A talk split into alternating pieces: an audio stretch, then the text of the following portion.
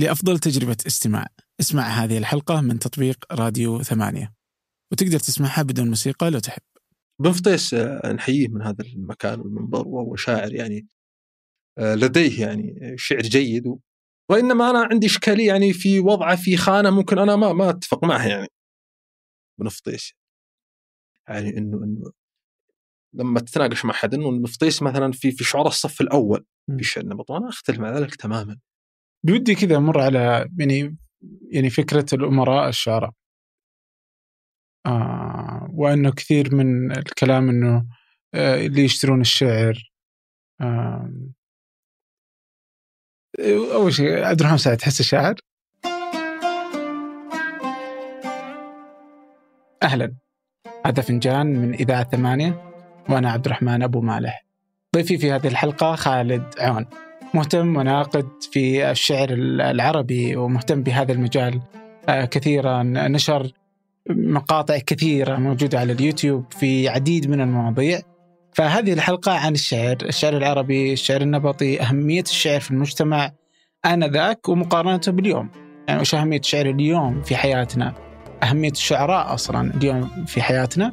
وآراء آراء تجاه آه، شعراء كبار آه، محمد الثبيتي محمد بن فطيس ناصر الفراعنة محمد السكران. وهذه الأحاديث حيال كثير من المواضيع المهمة والرائعة والحديث مع خالد.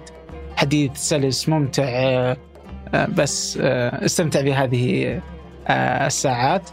وقبل أن نبدأ أود منكم مشاركة الحلقة مع من تعتقدون أنها تهمه.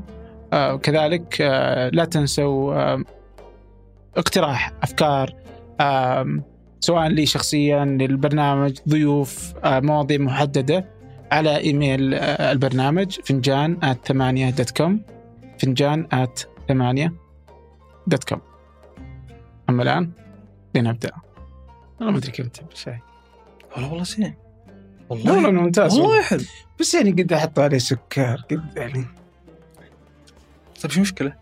انت ما تحب القهوة لأنك ما تحب القهوة ولا؟ أحب القهوة. القهوة. تقريبا العربية ولا القهوة الثانية؟ القهوة كلها. السوداء. لا القهوة العربية أحبها. والسوداء؟ أشربها بس ما أحبها مرة. إيه، أنا ما أحبها مرة. أحب عليها سكر؟ لون الخيرة ما تحط كذي. لون الخيرة. أيوه دخلت نادي وكل شيء. لا كنت تسير يا ولد ولا شيء. لا جد والله بالله في. الله يسلمك طيب وش اللي دخلك في الشعر؟ والله أنا من وأنا صغير يعني آه، ولدت كذا أحب الشعر. كذا هكذا يعني. صغير. اي من وأنا صغير يعني الوالد الله يحفظه عنده مكتبة. أنا طبعا أنا ولدت في تبوك. حلو؟ مشيت في تبوك حوالي 12 سنة. وثم نقلنا الديرة. وكان عند الوالد مكتبة كنت أنا أنجذب لكتب الأدب. طبعا فيها كتب منوعة يعني كتب شرعية كتب أدب كتب رياضيات في كتب كل شيء. كيمياء فيزياء. فكنت أقرأ في الأدب. حتى الكتب الشرعية آخذ منها يعني أقرأ فيها وأركز في, في الأبيات اللي فيها. أركز في الأبيات اللي فيها. أيوه وجدت نفسي من زمان. وأحفظ كان في الشعر فصيح. يعني ذاك الوقت وحين في تبوك مثلا ما كان في معنى الا الشعر الفصيح في الكتب. يعني مثلا الشعر النبطي آه، ما كان في كتب أنا ذاك. يعني الشعر النبطي تقريبا آه، ما كان فيه مثلا يوتيوب بشوف شعراء الأمسيات كنت صغير أنا ذاك. آه، حتى العرض الجنوبية ما كان فيه كثير في المنطقة. كان يعني على مضض. المحاورة ما كان فيه. لما نقلت الديره صار في شيء العرض الجنوبية. كنت أسمعه بشكل يعني ما هو طبيعي. أحفظ أي قصيدة يمكن تجيني في العرض الجنوبي يعني وأستلذيت فيه وهو جميل يعني الجناس هذا جميل جدا. والشقر. طبعا ما كان في كتاب مقروء للشعر العرض الجنوبي. أنا أتكلم الآن الآن أنا بين الفصيح والعرض الجنوبيه الآن في الجنوب في الدين عندنا. فالدكتور محمد حمد المالكي وهو مهتم يعني في في في وله جهود مشكورة في الموضوع نزل ديوان عبد الواحد الزهراني. مع إن شعر الأرض الجنوبية مكتوب تحس ما أدري كيف تجي. إي ما ما أدري كيف تجي يعني بس إنها جت على كل حال. يلا. وكنت آخذه يعني آه، كان أقرب لي من ظلي. أقرب لي من أتأبطه. اتأبط مثل اتأبط شرا اتأبط ديوان عبد الواحد. مثل ما قال سلطان عباس شاعر قحطاني جميل. اللي يقول كان ولي يقرب من ظلالي يقول تناقصوا ربعي على واحد اثنين. إلين خلوني وحيد لحالي. كانوا لي اقرب من ظلالي وهالحين راحوا وزين إنه بقالي ظلالي أما بقالي في حياتي محبين عز الله ما في شيء بقالي وش ونة الفرقة؟ وش دمعة العين؟ إذا ذكرت الماضي اللي مضالي أحيه من ضيقه من خاطر شين وأحيه من صدة رفيق موالي. الله يخلي لي من أحبها مين ما عاد يقدر على فقد غلي فعلى قول كان أقرب من ضلالي الديوان ذا وكنت أحفظه ويمكن أستظهرته. والله أني أذكر مرة رحنا إلى أبها. يعني رحلة مع الأهل. واخذته معي وقمنا الصباح على أساس بنروح. ودخل علي أبوي الغرفة وأنا قاعد أدور. أدور وأنا أمشي. اقعد أحفظ من هذا الديوان. يعني قال أنت أنت صاحي أنت فمثل ما قال ابن المعتز فكان ما كان مما لست أذكره. فظن خيرا ونسا على الخبر. نعم. ف هذه العرض الجنوبي. بعدين لما طلعت أبها درست الجامعة. دخلت الهندسة. طبعا دخلتها على غير رغبة. على غير الشهوه إيش غصبوك؟ لا ما هو ما هو غصبوني. أنا أقول لك زمان يسألوا الواحد إيش تبغى؟ إيه؟ دكتور طيار مهندس. الثلاثة ذي طبعا. عندكم غير أنتم؟ ما عندكم غير. دكتور طيار مهندس بس. طيب دقيقة عطني إيش آه. خلفية البيت؟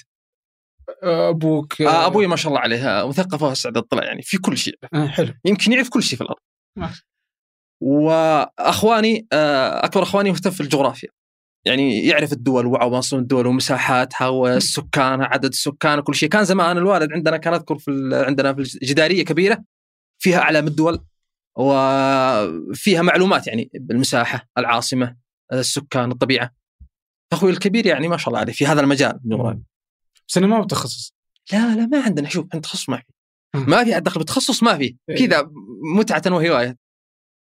أخوي اللي بعدها في في في في الديار. والمحافظات والمراكز وفي الخليج العربي مثلا القبيلة الفلانية تسكن المكان الفلاني زي كذا يعني. اللي بعده ما شاء الله في التاريخ اللي أكبر مني ما شاء الله عليه في التاريخ خاصة في التاريخ. في الثانوي ليه ما دخلت على أدبي؟ أنا قلت لك إني أنا مهتم في الأدب لكني كنت شاطر ممتاز. يعني أنا ما قد نزلت على ممتاز. مم. جميل. ممتاز وأروح أدبي يعني آه، ما ما ما, كانت عندنا ذاك الوقت إنك تروح أدبي لا خلاص أدخل علمي. حتى لو إني بعدين بروح خلينا نقول كليه الشريعة لا أمشيني دخلت علمي خرجت علمي كذا. قلت لك كان الأمنيات يعني دكتور مثلا طبيب مهندس؟ فالدكتور قال الدراسة سبع سنوات. وأنا والله ما لي حل صراحة. وبعدين لا وبعدها بتتخصص ثلاث سنوات أربع سنوات خمس سنوات عاد وين أنت رايح؟ وأنا والله ما لي حل. طيار مثل ما قال واحد من الجماعة ما يحب الطائرات. قالوا الاولاد خلنا نروح نركب الطائرة. قال ربي حطني في الأرض أروح أتعلق في السماء. فلا بتعلق في السماء. فأنا قلت والله ما بتعلق في السماء مثل الرجال هذاك. تبقى إيش أنت تخاف الطيارات؟ لا أنا أتكلم إني أقعد معلق في السماء كذا على طول. دائما. أيوه متابع ما أخاف. طيب العسكرية؟ أحس يعني شوف. الجنوب يحبون اي العسكريه صح بس إني أنا عرفت الحين جا- جامعيين يعني إخواني قبل الجامعيين. خلاص هي بكالوريوس يعني أكاديمي وكذا عرفت؟ يعني زي كذا. ما- إي ما العسكري ما جت مع الوالد كان يعني عسكري. إيه. لكن لا أنا آه، الوالد كان يهتم فينا يقول يعني خلوكم في المجال ال- ال- الأكاديمي هذا كويس. وبالمناسبة أذكر واحد من أخواني بغى يفصل من الجامعة ويعسكر فرفض الوالد وقال لا تستمر في دراستك لين تخرجي؟ والله. ف ويوم رحت الهندسة طبعا ما كان في موجهين يعني أنا مثلا خلينا نقول يعني واحد مثلا عارف مثلا وش اهتم له كذا يقول لا تدخل هندسة. بيقول لا تدخل هندسة يعني كاهتمامك أدبي يقول لا تدخل هندسة روح الأدبي واصل. وأنت ما كنت تبغى تدخل أدبي ولا أي ما مجال ما أدبي؟ بدخل أدبي. كذا خلاص لازم مهندس. أنت كذا. في عقلي مهندس خلاص أنا المهندس خالد كذا والله إني صادق. ما في يعني أدبي يعني حسيت فيك عقل يعني طلعت يعني ما افهم لو انها ضغوطات إيه. بس أنت اللي يا أخي ترى بقول لك شيء ترى زمان ما هو مثل الحين. الحين مختصين ومهتمين ودورات وعلى حسب اهتمامك وفين يودونك. ما زمان ما كان الكلام هذا كله ما هو عندنا اطلاقا مثل ما قال سعيد صالح من المشاغبين. وما كان عندنا الكلام ذا. قلت بروح هندسه ورحت أنا والوالد ابها معلمك قصه حصلت. المهم لما رحنا وصلنا بنسجل خلاص. على خلاص رحنا مهندسين. نتكلم عن مستقبل وخلاص. وانت حددت مهندسه يعني. ما عاد فيها تعرف كان في موجهين من طلاب الجامعة نفسهم. عندك استفسار عندك سؤال كل شيء يوجهونك. وأنا جالس أنا وأبوي المهم جانا هذاك الرجال وكذا وقال أبوي كيف الهندسة وكل شيء وكيف خلاص. قالوا ترى في تخصصات بعد كويسة إيش في؟ قال في كلية العلوم الطبية التطبيقية. وتراها بعدين تقدر تكمل وتصير دكتور. طالع فيه أبوي قال أقول لك والله أنها كويسة ودك تروح لها قلت والله بكيفك. ودك أدخل. والله كذا. ودك أدخل. طالع فيني. يا أبغى لي دفني بس قول أما أدخل دي ولا ذي والله. قال يا رجال تدري جينا من الديره على هندسة سجل هندسة. والله. لا وبعد سالته قلت وش الأصعب؟ اسمع يعني إيه. أنا قلت خالد الفيصل أحب أحب عزف المهرة اللي يتغلى قلت إيش الأصعب؟ ما كان في إلا ميكانيكي وصناعي. إيش الأصعب؟ وش الأصعب؟ إيه ميكانيكي. وصناعيه فقط ما في ميكانيكي وصناعي. قلت إيش الأصعب؟ قال ميكانيكي. آه،. ما كان في إلا تخصص الميكانيكي. قلت هاتها. قال صعبة. قلت هاتها يا رجال. ما تدور إلا لا. والله. ومع كلها رياضيات كل شيء. وأنا ما أحب الرياضيات أمانة. يعني أنا أنفر من الرياضيات المهم دخلت الهندسة ومثل ما يقولون كود ذبحناه كود ماتت يعني. و... وأنا ظليت يعني في ذاك الوقت اللي متكلم عن الأدب آه بدا اهتمامي ال- ال- وشغفي بشعر النبط يعني والمحاورة يعني. أذكر كان في مكتبة في شامسان. عند مطعم رائد اذا تعرف مطعم رائد جميل جدا مم. مكثر زيت بس إنه كويس يعني. كان قدامه مكتبة على مستوى. وكان مجله المختلف هذه جميلة جدا من أشهر المجلات الشعبية مجلة المختلف. وكان في فواصل. قطوف. آه، كان في ليلة خميس. المهم فكنت كل يوم أنا عندها. نزل عدد مجلة المختلف نزل عدد مجلة المختلف نزل. فصرت يعني مهووس بهذه المجلة وبالشعراء وبالقصائد التي فيها. فبدأ اهتمامي ولعي بشعر نبط من آنذاك. وكان فيه أشبه بصفحات للشعر المحاوره بدأت اتعرف على ذاك. وبدأ ذيك الأيام اليوتيوب وكل شيء. بديت تعرف كان فيه غرف الإنترنت. كنا نروح فيها ونسمع يوتيوب لشعراء المحاوره شعراء النبط فشبكة الهندسة مع الأدب كذا لين يسرها الله فكرت إنك تغير أصلا تخصصك مع الوقت؟ والله مسكني واحد من الشباب أذكر الله يستر عليه اي أنا نصيحة. إيه قال لي قال أقول لك يا أخي وش إيش إيش قعدك في الهندسه؟ قلت يا أخي هندسة كويس طلع مهندس بعدين أنا ما في بالي بعدين إيش بصير؟ إيش مجالي؟ إيش اللي نحبه؟ بطلع مهندس بس مم.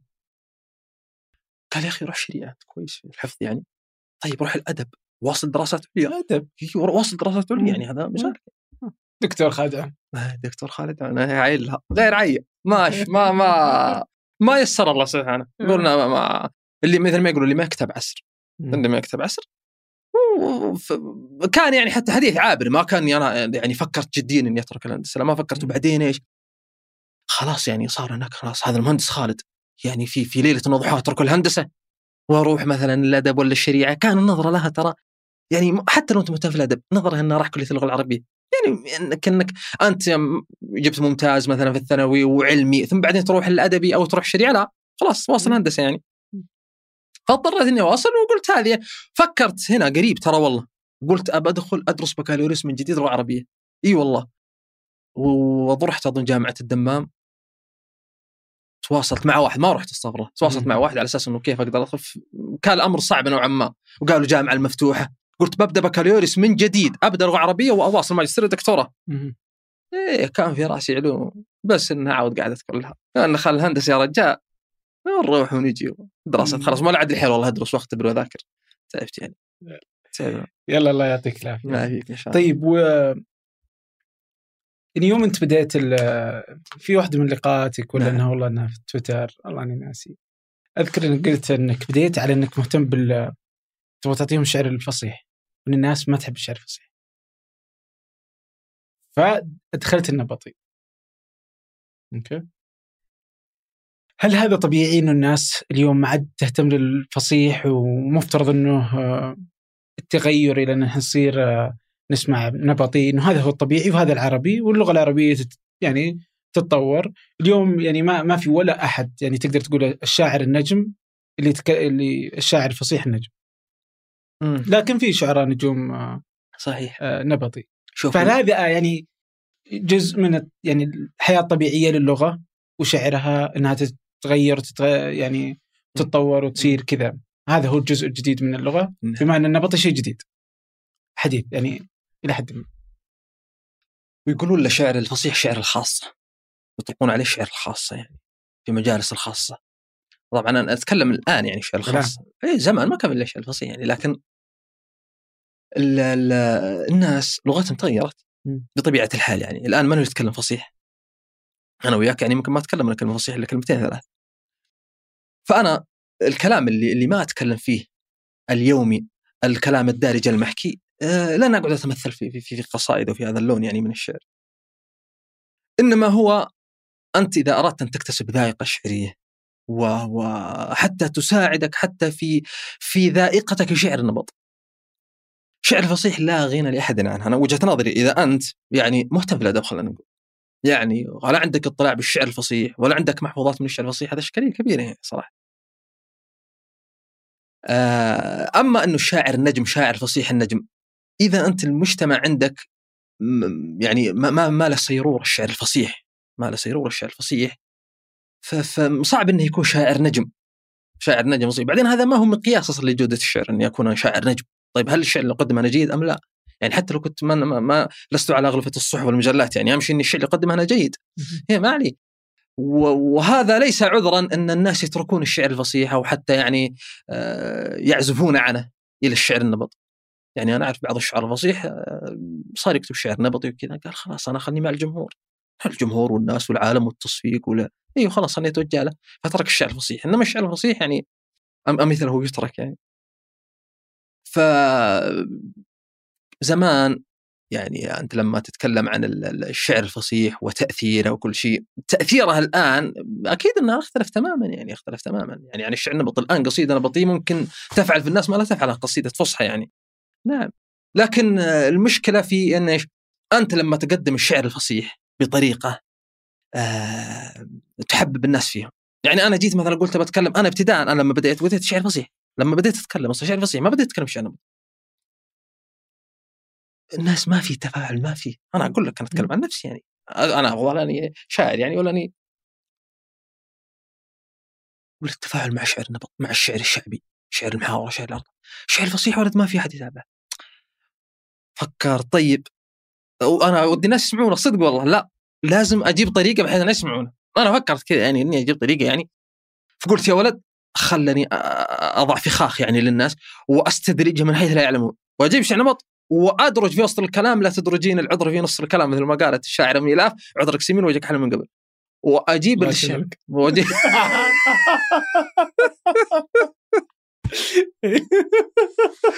آه، يلا ما, ما كنا ما كنت مر ما كان الناس معنا قاعدين زويبه فكنت أقول الشعر النبطي وادرج من يعني مثلا أسحب من الشعر النبطي على الشعر ف- فلقيت يعني آه، اهتمام بالشعر الفصيح أقل شيء عندي ممكن مهتمين لكن أنا ما وجدت عندي يعني اهتمام بالشعر الفصيح وولع بهذا اللون يعني وفي أبيات جميلة الشعر الفصيح يعني شيء جميل يا أخي. آه لا يعني ال- اللي تذوق الشعر الفصيح معلقات شعراء قدامى الشعراء الكبار العمالقه يعني آه، مستحيل أنه يرضى بما دونه. ولا الشعر النبطي جميل كذلك الشعر النبطي. الشعر الشعر الشعر العرضه وشعر المحاوره الأشعار الشعبية جميلة كذلك أقول. لكن درجات يعني درجات. فالشعر الفصيح ترى في الدرجة الأولى أو في الذروة من هذا اللون ومن الذائقة ومن ال... فلا غنى يعني لأحد عنه. يعني أنا قلت إن الطريقة هذه هي أنسب طريقة لتوصيل الشعر الفصيح. وأنا ما أقول يعني الحين أنا بس اللي يتكلم شعر فصيح. في ناس منهم أحسن مني وأطلق مني ويوصل المعلومة بأفضل مني وانما هذا جهد المقل يعني. جهد المقل والله ويجعل منها. بس إيش أصلا؟ ليش العرب تشعر؟ ليش تقول قصايد؟ ليش تقول قصائد؟ تعبر عما بنفسها. تصف موقف. آه، تتكلم عن حدث. آه، يعني الشعر آه، بث مكنونات النفس. آه، نفثة مصدور كما يقال. يعني آه، الشعر هكذا. يعني لما نتكلم مثلا الحين عن ال- خلينا نقول نجيب بعض الأمثلة مثلا ها. حلو. نجيب بعض الأمثلة مثلا مثلا حرب داعش والغبره زهير بن أبي سلمى مثلا. خلينا نقول. هو يتكلم عن هارب بن سنان والحارث بن عوف. هذه معروفة. لما أصلح بينهم. فتكلم فيصف هو الأحداث التي جرت. أنا قاعد أصفها كيف أصفها؟ كيف ينتقل أو نوثق هذا الحدث للناس؟ بالشعر. الكلام لا يوثقه الشعر يوثق مثل هذا الحدث. يعني مثلا لما قال إيه؟ آه، سعى ساعي غيظي بن مرة بعدما تبزل ما بين العشيرة بالدم. فأقسمت بالبيت الذي طاف حوله رجال بنوه من قريش وجرهم. يمينا لنعم السيدان وجدتما على كل حال من سحيل ومبرم. تداركتما عبسا وذبيان بعدما تفانوا ودقوا بينهم عطر منشمي وقد قلتما إن ندرك السلم واسعا بمال ومعروف من القول. نسلمي فأصبحتما منها على خير موطن بعيدين فيها من عقوق ومأثم عظيمين في عليا. معد هديتما ومن يستبح كنزا من المجد عظيم. أيضا مثلا حتى أن تستفيد مثلا في بعض المعاني أنا أتكلم عن نفسي يعني. بعض المعاني التي لم أكن أعلم عنها أو المعلومات التاريخية استفدت عنها من طريق الشعر نفسه. معلومات تاريخ مثلا في معلقة زهير. معلقة زهير نفسه لما تكلم عن الحرب يقول وما الحرب إلا ما علمتم وذقتم. وما هو عنها بالحديث المرجم. متى تبعثوها تبعثوها ذميمة وتضر إذا ضريتموها فتضرمي. آه وتضرى إذا ضريتموها فتضرمي. المهم لما يتكلم عنها يقول إيش؟ فتلقح كشافا ثم تنتج فتتئمي فتنتج لكم غلمان أشآم كلهم كأحمر عاد ثم ترضع فتفطمي. جميل؟ الآن هو قال كأحمر عاد. من أحمر عاد؟ الذي يعرفه الناس أحمر ثمود أو أحيمر ثمود. النبي صلى الله عليه وسلم لما سأل علي بن أبي طالب فقال من أشقى الأولين؟ قال أحيمر ثمود. قال من أحيمر ثمود الذي عقر الناقة؟ قال ومن أشقى الآخرين؟ قال لا أعلم قال قاتلك يا علي. فهو أحيمر ثمود. قدار بن سالف والذي قتل الناقة. طيب. ثمود قوم صالح. وعاد قوم هود. طيب إذا الناقة آه ناقة صالح. فكيف قال؟ كأحمر عاد. هنا استفدت أنا معلومة أنه أنه قوم صالح يقال لهم عادا الأخرى. وقوم هود عادا الأولى. لذلك الله سبحانه وتعالى يقول وأنه أهلك عادا الأولى. وثمود فما أبقى. استفدت من هذه المعلومة تاريخية كذلك. في وصف الوقائع مكنونات النفس مثلا يعني مثلا خلنا بجيب لك أنا قصيدة جميلة ذكرتها الآن للفارعه الشيبانية. هذه الفارعه الشيبانية خرج أخاها الوليد بن طريف على هارون الرشيد. وكان شجاعا. فأرسل له يزيد بن مجد الشيباني فقتله. فأظلم يعني صار كل شيء أسود في عيونها يعني. أظلم الليل. في في تقول يعني ليش الناس ما يحزنون للحزن يعني؟ ليش الشجر ما يحزن؟ ليش أنت أبو مالح ما تحزن؟ مثلا الفقط هو ليش أنا ما أحزن؟ ليش الناس ما يحزنون؟ أصيبت بالجنون فيجب أن تقول الشعر تهدى يعني من, من هذا الجنون. فقالت ابيات جميلة مرت على شجر خابور تقول فيا شجر الخابور ما لك مورقا كأنك لم تحزن على ابن طريف. فتى لا يحب الزاد إلا من التقى ولا المال إلا من قنا وسيوف خفيف على ظهر الجواد إذا عدا وليس على أعدائه بخفيف. حليف الندى ما عاش يرضى به الندى فإن مات لا يرضى الندى بحليف. فقدناك فقدان الربيع وليتنا فديناك من ساداتنا بألوف. فلا تجزعا يا بني ظريف فإنني أرى الموت وقاعا بكل شريف. شوف مثلا نفس هذه نفس المسطور. وهذا كثير يعني بحر لو تكلمنا عن طويل جدا ف الشعر كيزة أساسية. كذلك مثلا خلينا نقول الشعر حتى من ضمن يعني إسهاماته. يعني يشرح معاني القرآن. الشعر يشرح معاني القرآن. آه وقد قيل وقد قيل أن أن الله سبحانه وتعالى يقول كأنهن بيض مكنون في القرآن أن أول من جاب فكر الفكرة هذه امرؤ القيس. وبيضة خدر لا يرى مخباؤها تمتعت من لهو بها غير معجل تجاوزت أحراسا وأهوال معشر علي حراسا لو يشرون مقتلي. مثلا مسائل نافع بن الأزرق. مسائل نافع بن الأزرق الشهيرة مع عمر بن أبي ربيعة مع نافع الأزرق مع عبد الله بن عباس. أنا خلطت لأن جاء عمر بن أبي ربيعة في المسائل. تبغى نتكلم عن هذه؟ يروح. هذه كان نافع بن الأزرق يعني بعض الناس يعني يتكلم إنه إنه الشعر يجب أن يكون ذا قيمة وكذا عرفت؟ يعني وبعضهم يقول إنه ما في مشكلة. يعني. يقولون أنه كان يسأل عن المسائل نافع بن الأزرق شهير مع ابن عباس وأطال فيها جدا حتى ضجر منها ابن عباس. فجاء عمر بن أبي ربيعة. يقول جرير ما زال هذا القرشي يهدي حتى قال الشعر. وبالمناسبه يقول عمر بن أبي ربيعة قال لهشام قال لماذا لا تمدحنا؟ قال أنا لا أمدح إلا النساء. يقول عمر بن أبي ربيعة معروف يعني هذا الكلام يعني. فلما جاء قال هل قلت شعرا؟ يسأل ابن عباس يعني يتكلم عن معاني قرآن وعن يعني أمور في الحلال والحرام. لاحظ في الأمور الحلال والحرام. فقال هل قلت شعرا؟ قال نعم. قال وماذا قلت؟ فقال رأيت الشهر أمن آل نعم أنت غاد فمبكر غداة غد أم رائح فمهجر. لحاجة نفس لم تقل في جوابها فتبلغ عذرا والمقالة تعذر. تهيم إلى نعمة فلا الوصل جامع ولا الحبل موصول ولا القلب مقصر. يقول إذا زرت نعما نعما لم يزل ذو قرابة لها كلما لقيتها يتنمر. وهذا يقول التنمر الحين في تويتر. قد قال عمر بن ربيع من زمان. المش قال؟ يقول من ضمنها يقول يقول يقول فبت قرير العين أعطيت حاجتي أقبل فاها في الخلاء فأكثر. فيا لك من ليل تقاصر طوله طوله وما كان ليل قبل ذلك يقصر. يقول أقبل فاء مسائل يتكلم عن القرآن والحلال والحرام وعند عبد الله بن عباس وفي الحرام في البيت الحرام. فقال لنا ابن ازرق لله أنت يا ابن عباس نضرب لك أكباد الإبل نسألك عن الحلال والحرام. ويأتيك غر من قريش يسمعك يسمعك سفها فتسمعه. فتسمعه؟ قال والله ما سمعت سفها. قال وماذا عن قوله رأت رجلا أما إذا الشمس عارضت فيخزى وأما بالعشي فيخسر. قال لم يقل هكذا وإنما قال رأت رجلا أما إذا الشمس عارضت فيضحى وأما بالعشي فيخسر. فيورد قال ما أراك إلا حفظتها. قال نعم ولو شئت أن اردها عليك لرددتها قال فإني أشاء. فرد عليه حول 80 بيت. 80 بيت تقريبا حفظها من أول مرة. قال أنا ما شفت مدرك بسم الله الرحمن الرحيم. 80 بيت دفعة واحدة ما شاء الله تبارك الله. احس ان هذا كلام رهيب. okay؟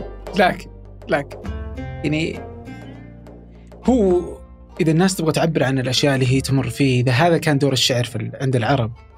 وإذا أنا أبغى أعبر عن فعلا مثلا مشاعري أو مواقف أو توثيق الأحداث فتغيرت الأدوار اليوم. يعني أقدر أخذه من ناحية هل النبطي ولا الفصحى فأنا إذا أنا أتكلم وكل تعبيراتي وكل الأشياء وكل كل ما يعني يصير حولي كله بال- بال- بالعامي. فإذا صرت بكتب بالفصحى فهذا ما هو بشيء دارج يعني. بالنسبة لي. ولا هو حقيقة مشاعري. أنا بقدر أعبر باللغة اللي أنا أتكلمها. الحين هذا إذا بأخ- بأخذه على الشكل النبطي ولأنك أنت تحب الاستطرادات فبخليه يدوب على ذا وبعدين بجيك للنقطه الثانية فلذا يعني خلاص يعني ليش نجلس يعني نحاول يعني إنه نحيي شيء؟ ما بالضرورة إنه يكون حي اللي هو الفصيح. آه، خلاص يموت وهذا. شكل جديد لل يعني ما- ما حد يتكلم بالشعر الفصيح. لا تتكلم فيه زي ما تتكلم في التاريخ. طيب ما بالضرورة طيب الناس وش- تكتب اليوم. طيب خلاص يعني لو نحاول إحياء شعراء فصحى. طيب ما في مشكلة. يكون, يعني أنا أتحدث عما أشعر إذا المجتمع. ما يبغاه ولا الناس تتكلمه ولا حد. يعني كذا. طيب هذا ما هو عذر. إن المجتمع ما يبغاه خلاص ما حد يتكلم عنه ما في خلاص ما يهم عذر انت تتكلم هل نتخلى عن الشعر الفصيح إذا تماما ونتخلى عن لغة العرب وأجدادهم وألحانهم هكذا يعني؟ لا هذه لغتنا طيب هذا لغتنا اليوم. طيب لا نتخلى مثلا في الشعر. طيب نحن لا نتحدث به انت تقول لنا نحن. ما نتحدث صح ولا صح. طيب ولا نقول شعر. فإذا ماذا؟ خلاص لا لا لا لا, لا, لا, لا. لا نجد هناك أحد يتكلم الشعر الفصيح؟ طيب لكن لا تتكلم عن الشعر الفصيح لا تتكلم عن اللغة التي نزل بها القرآن أن لا ما يكون أحد يتحدث بها اطلاقا خلاص الشعر النبطي طيب يكون هناك أحد مهتم بالفصيح ويتكلم يعني ويصف الأحداث بالشعر الفصيح يتكلم بالشعر الفصيح عما يشعر به مثلا آه، يقول قصائد بالشعر الفصيح يعزي نفسه بالشعر الفصيح ويعني إلى قريب يعني مثلا أيام نزار قباني مارون عبود لما أرسل نزار قباني قال يا, يا, يا لما كتب في الشعر التفعيله مم. فقال إن هذه إن إن الأوزان والقافية ليست اقفاصا وإنما وإنما تاريخ الأجداد وألحانهم وتاريخ. فيعني أنت ما تكلم إنه خلاص صار مثل القفص صار مثل انه ليش أنا حد علينا؟ لا خلاص بتكلم في الشعر النبطي لا هذا مو عذر يتكلم الشعر النبطي من يتحدث به ويتحدث بالشعر الشعبي من يتحدث به ويبقى للشعر الفصيح أهميته ومكانته. هذه لغه يعني آه، نفتخر بها أمام الأمم ولا يجب أن تطمى هكذا يعني أو إنه خلاص الشعر الفصيح ما حد يتكلم لا يجب ان نحييه يعني ويجب ان ويجب أن نروج له ويجب أن. نروج له ولا يموت هكذا ما ما هو عذر إنه خلاص ما يتكلمون فيه الناس طيب في أمور ثانية أنا بس إن هذا بس, بس هل اللي أنت تشوف اليوم ال- ال- يعني اللهجة العامية اليوم. هل هي ما هي بلغة عربية؟ لغة عربية شوف في في لغة إلى حد كبير انها فصحى؟ شوف أنا بقول لك أنا بقول في مثلا في في لهجات في لهجات ال- العربية مثلا. آه يقال مثلا خلينا نقول عندك ال- ال- العنعنة. مثلا.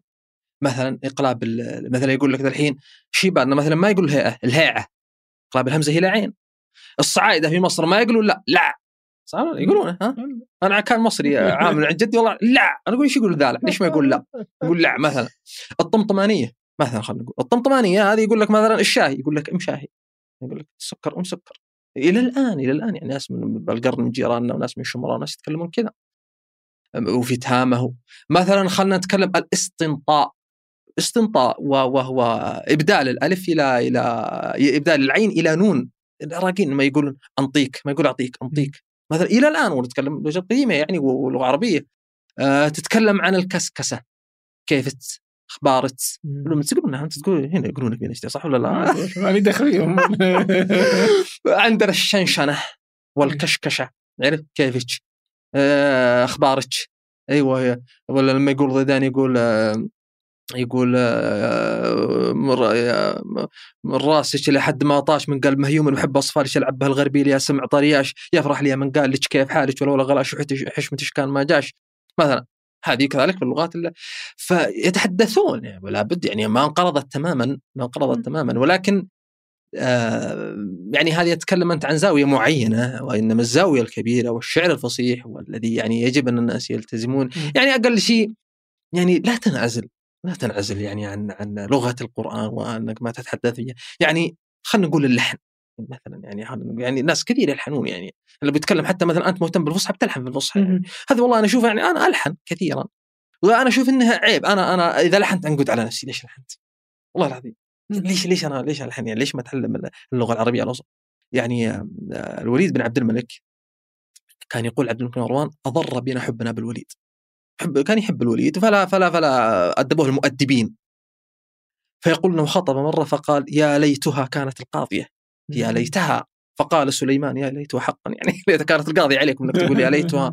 كذلك آه، آه، كان كان كثير من الشعراء يعني عندك مثلا يعني أتكلم انت من زمان يعني يعني ما هو بانه عيب الآن فينا إنه والله آه، اللحن هذا نصيبنا. كان يصيب زمان لكن يعني أنت لما تقول إنه خلاص أنا بألحن في الفصيح ما عاد بتكلم ما أقدر أتكلم. يا أخي كان يلحنون من زمان يعني يعني كما اختل في وزن القريض عبيد ويقول أبو العلاء المعري عبيد بالأبرص في معلقته.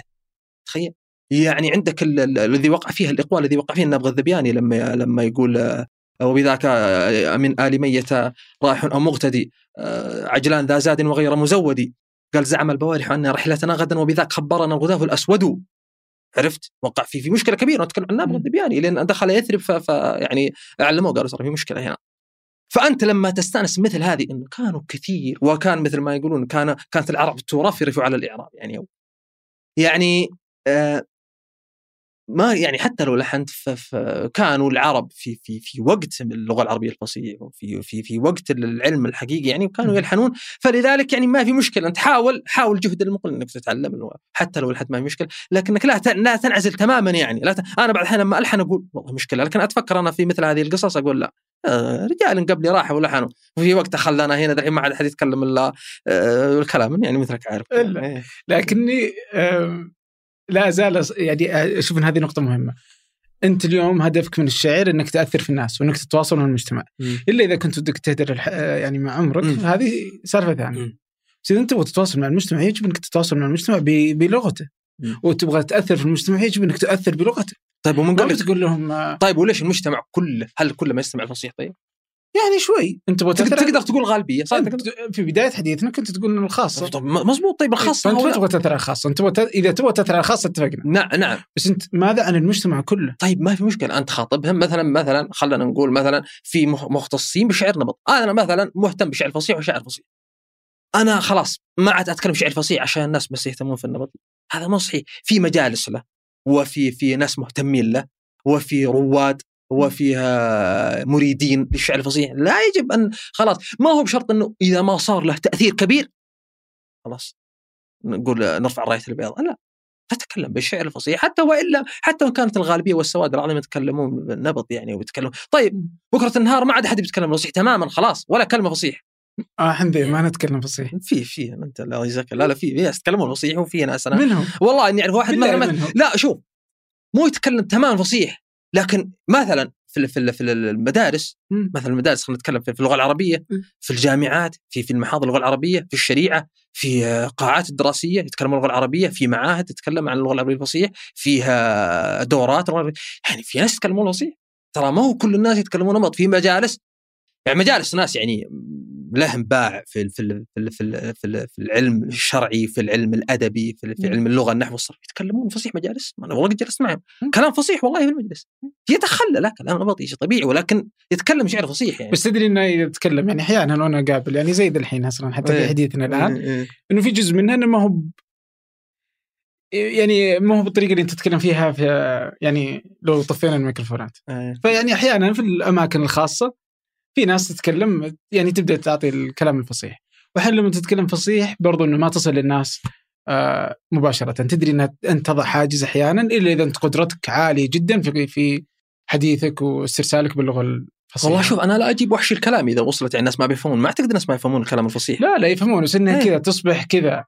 واضح إنك أنت كذا. أتكلف يعني؟ متكلف؟ مو, مو انك تتكلف. نعم. إنها بتصير صعبة. يعني زي لما أحد يلقي كلمة ويبدأ يجلس. شوف أنا ما بروح عند واحد بطلب كافي مثلا بروح عنده أقول ائتني بكذا. إيش ذا- هذا هذا يعني تمهزاء باللغة. زي كذا. أنت تعرف مواضع يا أخي مواطن تتكلم فيها اللغة العربية الفصحى لكل لكل شيء يعني موضع ولكل شيء ولكل مقام مقال. ما تتكلم يعني مثل هذه بال- بال- بالكلام.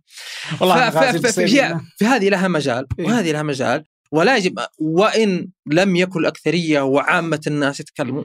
فلا يجب وهذا يعني كلام خطير. أنا أشوف إنه لا عاد تتكلم بالفصيح واترك الشعر الفصيح واتركوا خلاص و... هذه تراها خطوات. step by step مثل يقول خطوات الشيط حبة حبة خلاص. انتهي الفصيح تماما يندثر ما عاد حد يتكلم خلاص. آه لم يبقى مح- مهتمين. أنا ما أشوف أحد يهتم فيه ما حد يقول فيه قصائد ما حد يهتم ما المشكلة؟ كيف مش تتكلم يا أخي أنت. لغة القرآن. جميل ولا لغة القرآن يا. طيب أنت بعدين أنت لما بتتكلم القرآن هل هل هل أنت بتتكلم وبتقرا القرآن بلغة صحيحة بعدين؟ عندك إشكالية؟ ما أنت ما تتكلم فصيح تماما كيف تقرأ القرآن؟ آه، الحديث الشرعية.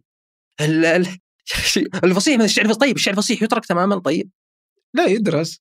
اي لا لا. لا لا بأس. يعني ما في لا- لا مشكلة. مهتمين فيه يدرسون. آه سلام بيض الله. طيب ما- إيش نقول لك إحنا؟ اي على نطاقات ضيقة. في ناس. زي ما- لما أنا أبغى ادرس الحين الإغريق ولا بدرس اللغات ال- الميثولوجيا. هذا قالوا. إيه، إذا بدرس هذه الأشياء. مهمة مهم دراستها. بس ما نجلس نقول أوه ليش الناس تركتها؟ خلونا نرجعها. يلا بالله يتكلموا. ونقيم المؤتمرات والمعاهد على بالعكس أنا والله لو الأمر بيدي إيه؟ يعني لو كان لي الخيط والمخيط مثل ما يقولون والله العظيم أرجع الناس ولو قصرا. يعني صراحة ما أتركهم هكذا يعني.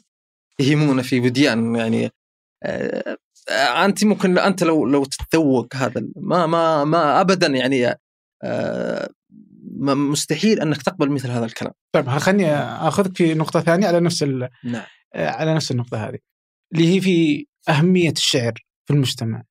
فكان آه، في حديث الغازي القصيبي كان يقول إنه كل ال- يعني كل الشعراء دائما يختلفون معه. يختلفون معك يختلفون معاه غازي. فببدأ إنه رأيه يعني يعتبر إنه مختلف عليه. لكن يعني أنا يختلفون معه في ماذا؟ في الرأي اللي بقول لك عليه. طيب. لكن أنا أتفق معه. الحين يجي يقول آه وش أثر أنه الشاعر في زمانه؟ أنه كان أهم محرك للمجتمع. يعني أهم محرك للمجتمع من الناحية الثقافية من الناحية الاجتماعية من الناحية السياسية. نعم. اليوم اذكر لي شاعر يحرك شيء. لا يوجد أثر شوف- للشعر يعني. شوف أنت تتكلم فهو كان الشعر- يرى أن هو يتكلم- هو يت- يرى أن الشعراء كان سلاحا وكان وسيلة بمثابة- إعلام. كانت وسيلة إعلام صح، وكانت صح. وسيلة توثيق صح. اليوم تركت هذه المهمة صارت عند الصحفيين شوف شوف أوكي. شوف, شوف وإنه آه، الشعراء الآن يعني يقعدون في. الإنستغرام شيء طبيعي لا ما يقدر- ما في الإنستغرام ما في الإنستغرام أصلا ما يقعد الإنستغرام والله خلاص راح الإنستغرام شوف هذا شيء منطقي طبيعي وما ما يحتاج أصلا نتحدث فيه سالفة إنه الشعر زمان الآن كان العرب يفرحون إذا ولد لهم شاعر يعني. و و و إذا ولد شاعر هذا لسان القوم خلاص. حسن يعني كان يستخدم كسلاح يعني. نعم وكان يستخدم كسلاح. الشعر كان زمان يعني أنا أنا أنا إذا مثلا بعضهم يضع قبيلة ويرفع قبيلة و- وينافح عنها. وتريد ان نتحدث عن الموضوع نقول قصص وكذا ولا؟ روح روح. إيه روح تمام. عشان آه، أبغاك تحاول تقنعني إنه اليوم لا لا لا. أنا خليني أتكلم بعد أرجع لك. شوف هو كلام غازي القصيبي هو كلامه صحيح. يعني انت تتكلم الآن تاثيره ما هو زي تاثير زمان؟ شو منطقة؟ يا أخي زمان الآن وسيلة لو وسيلة الإعلام يمكن. وسائل الإعلام كان زمان كان زمان القنوات ممكن الشعر ما يكون بأهمية. زمان لو كان في قنوات لكن ما كان فيه إلا الشعر. أنا كيف أخاطب الناس وأنا كيف أتكلم معهم؟ أنا وكيف؟ ثوب ينشف أيوه إيه، هو أنا بعد أقوم أنا. الآن ليس بأهمية شيء طبيعي. لكن هو ترى نفس النقطة اللي تكلمنا يعني ما هو بإنه إذا ما له الأهمية التي كانت لديه في السابق إنه خلاص يعني يوضع هنا في في, طيب في زاوية إيش اهميته أيوه. زمان؟ إيش اهميته؟ لأن قبل شوي زمان شوف مثلا يعني أتكلم عن عن ال آه، تتكلم عن مثلا النبي صلى الله عليه وسلم لما أتاه وفد تميم مثلا الزبرقان بن بدر لما أتاه بالخطيب وبالشاعر مثلا وفجاء النبي صلى الله عليه وسلم بثابت بن قيس وحسان بن ثابت ثابت بن قيس كخطيب وحسان بن ثابت فقال إن الذوائب من فهر وإخوت وإخوتهم قد بينوا سنة للناس تتبع. يرضى بها كل من كانت سريرته تقوى الإله. وبالأمر الذي شرعوا آه تقوى الإله وبالأمر الذي شرع ما في قصيدة ذكرها طويلة حسان بن ثابت. نافح عنه شعريا. حسان بن ثابت اهجم وروح القدس معك. عبد الله بن رواحة لما دخل النبي صلى الله عليه وسلم آه، في في عمرة القضاء في مكة. تنحوا بني الكفار. لما يقول آه، المهم يقول آه، نضربكم ضرب الهام عن مقيله ويذهل ويذهل الخليل عن خليله. يقول عبد الله بن رواحة فقال عمر الخطاب ويحك ابن رواحة في حرم الله وبين يدي رسول الله. قال دعهم فوالله له أشد عليه من النبل. اهميته مثلا. تتكلم مثلا عن أهميته في آه، كان يضع بعض القبائل. يعني عندك مثلا والقصة الشهيرة مع الراعي النميري وجرير. لما فضل كان يفضل فرزدق فجاء ابنه فسب جرير. فقال له فقال له جرير قال طبعا قال إني إني سوف أثقل رواحلهم فلما رجع البيت وقال أقل اللوم عاذلة والعتاب وقول إن أصبت لقد أصاب والقصيدة الشهيرة.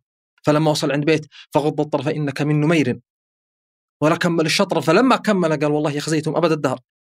فلما راح اليوم الثاني السوق كان في الراعي النميري وربعه قال يا راعي ايها الراعي أرسل أرسلتك نسوتك من العراق لترجع لهم بالميرة والزاد؟ والله لترجعن بملء رواحلك خزيا وعارا. وقال قصيدته هذه. يقولون لما رجعوا قوم يقول حثوا الخطى سريعا. ولما وصلوا هناك ووصلوا قصيدة جرير سبقتهم. فقالوا والله ما سبقنا إلى قومنا أحد ولكن لجرير أشياء من الجن. وصارت مسبة. وصار رجل منهم يستحي. ولما لما كانوا يتحرشون بهذيك المرأة. فقالت ويلكم يا بني نمير إنكم لم تسمعون قول الله. آه، قل للمؤمنين يغضوا من أبصارهم ولم تسمعوا قول جرير فغض الطرف انك من نمير. وهذاك اللي يقولون أحد العبيد لما كان يستهزئ به رجال من بني نمير. فلما خرج إلى السوق فقالوا له قالوا إذا استهزئوا بك فقل لهم فغض الطرف انك من نمير. وحفظوه. فطالع السوق فغض الطرف انك من نمير فغض الطرف انك لما وصل هناك نسي البيت. قالوا أنت يا فلان اللي فيك ما يخطيك. تذكر ما نسي. فيها غض الطرف فيها قال أيها الناس غمضوا وإلا أتاكم ما يكره. غمضوا عيونكم وإلا أتاكم ما يكره. أيوه هذاك اللي يقول آه، توعدوني نمير؟ متى قتلت نمير من هجاها عرفت يعني؟ فوضعهم جرير الجاحظ يقول كانت جمرات العرب ثلاث. مم. كعب وكلاب وبني نمير. فأطفأتها قصيدة جرير. آه، قصيدة. أهميتها. كذلك كانت تتكلم يعني إحنا أهميتها قد تعتق الرقاب. زمان يعتق رقبة وقد وقد تقتل يعني مثلا تميم بن جميل خلينا نأخذ على سبيل المثال تميم بن جميل خرج على المعتصم فلما قبض عليه المعتصم ووجده ما شاء الله صاحب جمال وشخصية وكذا قال ألك حاجة؟ والنطع هنا والسيف وين لي حاجة؟ قال أرى الموت بين السيف والنطع كامنا يلاحظني من حيث ما أتلفت وأغلب ظني أنك اليوم قاتلي وأي امرئ مما قضى الله يفلت وأي امرئ يدلي بعذر وحجة وسيف المنايا بين عينيه مصلة. وما جزعي من أن أموت وإنني لأعلم أن الموت شيء مؤقت ولكن خلفي صبية قد تركتهم وأجسادهم من حسرة تتفتت. كأني أراهم حين أنعى إليهم وقد خمشوا تلك الوجوه. وصوتوا فإن عشت عاشوا سالمين بغبطة أذود الردى عنهم وإن مت. موتوا فكم قائل لا يبعد الله روحه وآخر جذلا يسر ويشمت. فقال اذهب فقد غفرنا لك الصبة وتركناك للصبية. سلم. لكن مثلا كان الشعر وسيلة إنه إنه إنه من تأثيره في الناس يا أخي عندك يا أخي عشا همدان. آه، جيش الطواويس اللي ارسلها الحجاج في سجستان مع بن الأشعث آه، عند رتبيل القائد التركي. من اللي كان من اللي كان يهذب؟ من هو اللي كان من اللي كان يبث الحماس في أنفسهم؟ عشا همدان الشاعر. الشعر. كان وسيلة في إشعال ثورة قامت يعني أشد الثورات التي قامت على عبد الملك مروان. ومن ضمنها يقول من مبلغ الحجاج أني قد جنيت عليه حربا وصفقت في كف امرئ جلد إذا ما الأمر عبا أنت الرئيس مد بالأشعث ابن الرئيس وأنت أعلى الناس كعبا فابعث عطية بالخيول يكبهن عليه كبا. نبئت أن بني يوسف خر من زلق فتبا. طبعا طبعا هو ليش أصلا زعل منه الحج هو ليش أثار على الحجاج؟ هو لما راح سجستان وأراد أن يفتح آه، بلاد الترك كان رتبيل عنده طريقه أني أنا أنسحب فإذا توغلوا في بلادي يعني أنقض عليهم. تفطن ابن الاشعث هذه الطريقة. فلما دخل أول أرض له قعد هناك وبدأ يعمر وفي الأسواق وطول وراح وجو. فاستبطأ الحجاج فأرسل له قال ليش ما تتوغل؟ قال لا ما أنا أعرف أنا أعرف أنا وش قدامي أنا. قال لا توغل المهم في النزعل عليهم الاشعث وطبعا الناس عاد الحجاج يعني برك على قلوبهم كثير قالوا خلاص سوف نثور على الحجاج. كان جيش القراء وجيش الخطباء وجيش الكتاب وجيش الشعراء.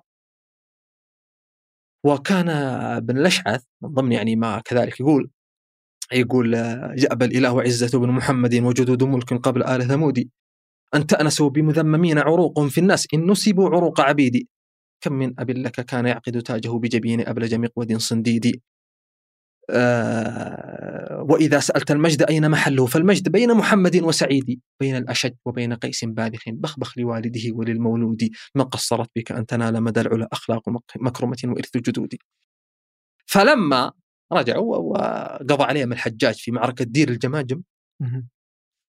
قال اتوني بعشاء همدان هذا. هذا اللي كان يحييهم عليه بالشعر. نتكلم عن أهمية الشعر يعني. فلما مثل بين يديه قال ماذا؟ انت أنت اللي كنت تسبني أنت انت اللي كنت تحيي تهرج الناس وأنت اللي كنت قال أصلح الله الأمير بل أنا القائل أبى الله إلا أن يتمم نوره ويطفئ نار الفاسقين فتخمد. وينزل ذلا بالعراق وأهله لما نقضوا العهد الوثيق المؤكد. وما أحدثوا من بدعة وعظيمة من الله لم تصعد إلى الله من القول لم تصعد إلى الله مصعدا وما نقضوا من بيعة بعد بيعة إذا ضمنوها اليوم خاسوا بها غدا. آه، فكيف رأيت الله فرق جمعهم ومزقهم عرض البلاد وشرد فقتلاهم قتلى ضلال وفتنة وحيهم أمسى طريدا مشردا فما لبث الحجاج أن سل سيفه علينا فولى جمعنا وتبدد بجند أمير المؤمنين وخيله وسلطانه أمسى معانا مؤيدا ليهنى أمير المؤمنين ظهوره على أمة كانوا بغاة وحسد فكان يعجب الحجاج وقصيدة طويلة ترى بس هذه من ضمنها. فقال ولكنك ألست القائل بين الأشج وبين قيس باذخ بخبخ لوالده وللمولود. والله لا أدعك تبخبخ بعدها. اضرب عنقه يا غلام فضربت عنقه يعني أنت لما تتكلم كذلك يعني عن آه، أهمية الشعر و, و في في يعني أنت لما مثلا قصة ال- ال- ال- ال- الأعشى مع المحلق الكلابي. كان عنده بنات ولا ولا لقى أحد يتزوجهم ولا لقى أحد يتزوجهم يعني. فقالت زوجته أقول لك الأعشى خليهم يضحك بقصيدة هو- ويجونك الناس. قال قصيدته الشهيره اللي يقول آه، آه، سرت وما هذا أرقت وما هذا السهاد المؤرق وما بي من سقم وما بي معشق. إلين يقول آه، يقول وبات على النار الندى والمحلق تشب لمقرورين يصطليانها. بات على النار المدى الندى والمحلق. أيوه. إلى ضوعيان ضوء نار بلهاء تحرق. كل من القصيدة اللي قالها. ما يومين ثلاثة تزوج بنات كلهم. عن أهميتها. نعم. يا أخي عندك كذلك مثلا أهمية الشعر انه إنه ال- ال- ال- الحطيئة الحطيئة في في آه، يعني في قصتها مع الزبرقان بن بدر قصة الزبرقان بن بدر لما لما شوه سمعته شوه سمعته تماما شوه سمعته تماما لما راح يعني أجدبت الأرض فأراد أن يذهب إلى العراق فقابل الزبرقان بن بدر في الطريق. قال وين رايح؟ قال أدور لا اكل وشرب قال جيت فيه ولا قال طيب تجي عندي؟ قال أجي عندك. خلاص قال روح عند روح اسبق البيت وبلحقك. فراح راح عند زوجته هناك. كان هو أبا مليكه اسمه كان بنت مليكة جميلة.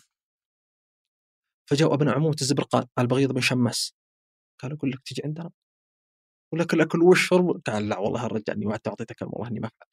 قال تعال. قال ما بفعل فأرسلوا من يدس إلى امرأة الزبرقان إن ما جاب الزبرقان عشان يتزوج ابنة مليكة. فبدأ الحطيئة يلاحظ ال- ال- الصدود من من آه، امرأة الزبرقان في الأخير تحول إلى بغيض بن شماس. جاء الزبرقان وين ضيفي؟ قالوا راح أخذ بغيض. راح عند بغيض؟ وقف بالسيف. قال ردوا علي ضيفي. قالوا ما لك الوقت. المهم جاء قالوا ما الرجال رجع يخير يعني تبغانا ولا تبغى الزبرقان قال أبغاكم أنتم.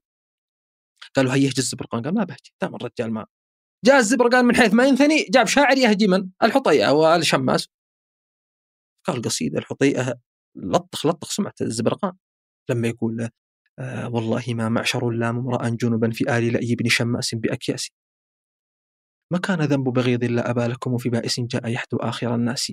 لما بدا لي منكم غيب أنفسكم ولم يكن لجراحي منكم مؤاسي أزمعت يأسا مبيلا من نوالكم ولن ترى طائدا للحر كالياس. ما كان ذنب بغيض أن رأى رجلا ذفاقة عاش في مستوعر شاسي.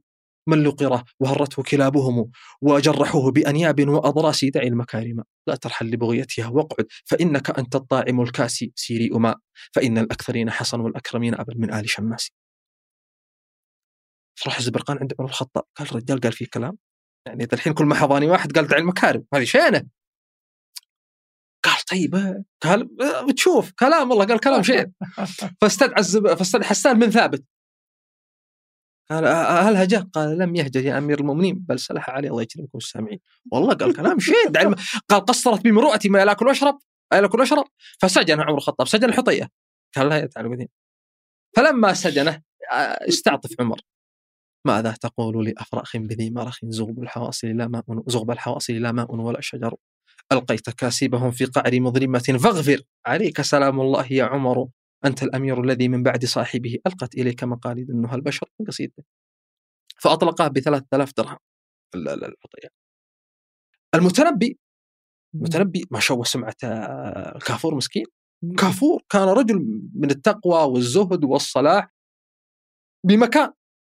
وأعطاه كلام أعطاه كلام في عيد بأية حال عدت يعيد بما ضام الأمر فيك تجديد يقول؟ صار الخصي إمام الآبقين بها فالحر مستعبد والعبد معبود. الحر العبد ليس لحر صالح بأخ لو أنه في ثياب الحر مولود. آه، من علم الأسود المخصي مكرمة أقومه البيض أم آباؤه الصيد؟ ما ينزع الموت نفسا من نفوسهم إلا وفي يده من نتنها عود. قال كلام طويل عريض الآن كافور قال كافور اللي يقول لا تشتري العبد الله والعصا معه ان العبيد لنجاس منك. وكافور ما يستاهل مثل هذا الكلام. فأنت لما تلاحظ الكلام طويل يعني صراحة في في في, في أهمية أصلا ما هو بس اهميته هو كان كل شيء الشعر هو كان كل شيء أصلا سواء بيرفع الأحد سواء بينزل سواء بيقوم الحروب سواء بيطفئ الحروب سواء لكن الآن يرفع قبيلة وي... يرفع قبيلة بنو أنف الناقة وقصة بنو أنف الناقة قوم هم الأنف والأذناب غيرهم ومن يسوي بأنف الناقة الذنب صار يقولون بنو أنف الناقة وما كانوا يقولون زمان. نعم فلذلك فإذا أخذنا هذا هذه الأهمية نعم. للشعر نعم. في المجتمع نعم. العربي صحيح اليوم ما أهمية الشعر آه، في المجتمع العربي؟ أتكلم عن الشعر كعامة أو الشعر الفصيح عامة الشعر عامة الشعر عامة الآن الشعر يعني ما هو بأهميته سابقا يعني ما هو بأهميته يعني مثلا الآن ما يرفع يعني تقريبا الآن ما يرفع قبيلة أو يعطي قبيلة تقريبا الآن آه و يعني موقع الإعلام. هو الإعلام يعني الإعلام هو اللي يشوه السمعه وهو اللي اللي يحس سمعة فلان ويشوه سمعة فلان وكذا. لا وسائل التواصل يعني يعني آه، تغريد تغريدتين أشد من 50 آه، قصيدة. إيه. ولكن الآن يا أخي ما يجيش في الصدور. يعني أنا أنا مثلا خليني أقول لك يعني ذكرت الحين قصيدة يا أخي جميلة لسلطان عباس. مثلا تعب أخوي لا قدر الله. هو تعب أخوه دخل عناية. يقول يعني يعني مثلا لا قدر الله حصل لأحد منا يعني مثل هذه يأنس بها يقول كل ما طاب جرح وطاح سكينة. جد جرح جديد ولخبط اوراقه يوجع الصبر لاختلت موازينه والوجع يظهر دمعه من الناقة. تعب أخوي الله يعافيه ويعينه. وأقبلت ذكريات الفقد من ساقه. من يجاوب بناته ورود غالية؟ وينه؟ الصغار أسئلتهم شبه عملاقة. أنا قصرت عنده في آخر سنينه والمنايا على الغالين سباقة. انفتح لي رجاء يوم فتحت عينه بعد ناديت باسمه من وراء الطاقة. رغم نفسيته وأخلاقه الشينه لا درى اني قريب زانت أخلاقه. كل ما تعب حاله بيني وبينه وأتصدد وأنا ما عاد لي طاقة إن ذكرت الله أحس بطمانينه وان غفلت أنقبض قلبي من أعماقه. كلكم شايلين الهم بنتين وأنا ما شلت من افراق يعني تجد أنت متنفس فيها. مثلا لا واحد مثلا آه، واستشهد فيها كثيرا يعني الشعر يعني يستشهد فيه كاستشهاد وكأنس في المجالس وك وحتى كان مثلا أنت أنا في في شخصيات أنا الآن شخصيات لكن ما ما استطيع ان اذكر أسماء. ما أعرفهم تماما لكن من كثر القصائد اللي ممكن حتى فلوس لكن آه، مستحيل أن يجمع هذا الإجماع التام إلا قد يكون في أمر يستحق هذا الرجل من المدح ومن الثناء ومن كذا. الشعر يعني ما هو بانه تماما ملغي ما له تأثير الآن لا. ليس هكذا؟ وإنما آه، له تاثير وإنما ما هو مثل الأول بطبيعة الحال. يعني الان وسائل التواصل الآن قنوات الان كذا الزمان اختلف الزمان اختلف. ولكن آه الأدب هو مادة العرب يعني وديوان العرب. و يا أخي هل تعلم أنه يقول مالك بن أسلم لما جاء النبي صلى الله عليه وسلم المدينة كان كل بيت في المدينة كل فيها واحد يقول الشعر. كان كل فيها واحد يقول الشعر. ف والآن تجد كثير من الشعراء وأنا هذا يعني ما أشوفه شيء سلبي. بعضهم يقول كثر الشعراء. كويس طيب. ما نخلي انت طيب شوف الشيء الكويس بالعكس لو كان ما في إلا اثنين ثلاثة أنا الحين أنا لا ما يشبون في حلقة اثنين دول. لكن خلاص اختار تنق. نعم. فهذا شيء جيد و- و- ولن يعني مهما حاول الناس أو ظهرت وسائل تواصل أو أو يعني طغت الماديات يبقى الشعر من ورثات العرب ومن الشيء اللي يهتم فيه الناس.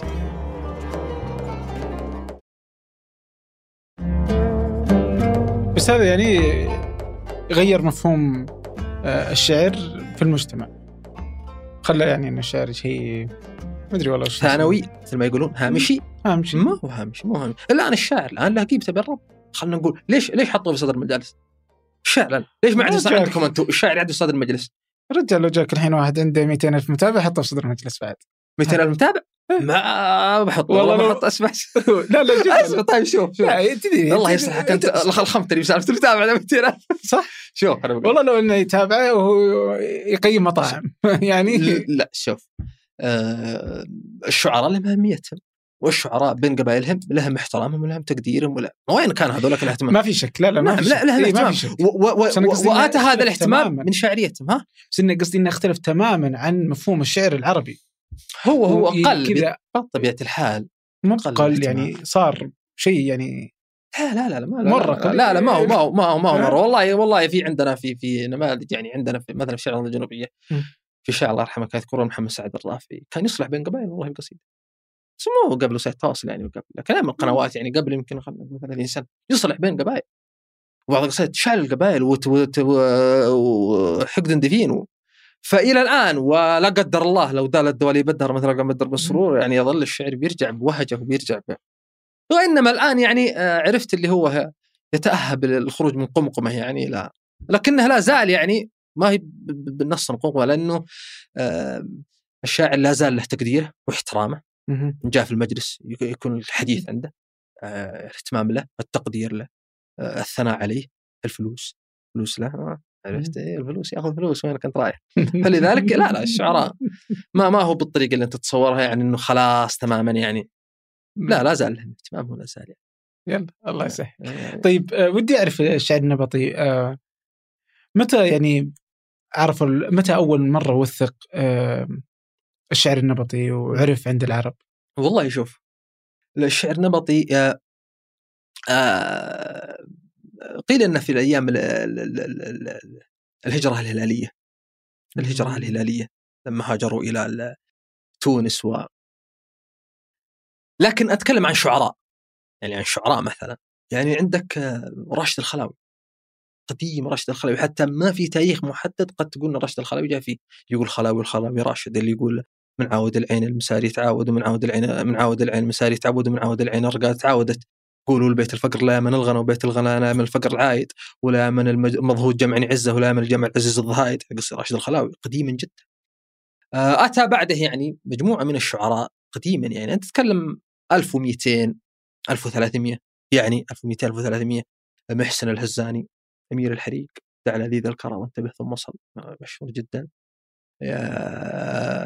برق انت لا قلت عز الجلالة وثره جبين صويح بحسب برق. هذه محسن الهزاني. آه عندك آه حميدان الشويعر عندك يا حبيب أخوها يعني إحنا نقول 1200 ميلادي ولا هجري؟ لا لا لا هجري هجري. وين 1200 ميلاد الله يسامح الأندلس آه. ما صقرت إلى 1492 وين 1200 لا لا لا 1400 لا لأن- شعر نبطي لأن عندنا هنا بتكلم بالهجري يعني ما أتكلم بالميلادي يعني. عرفت إيه؟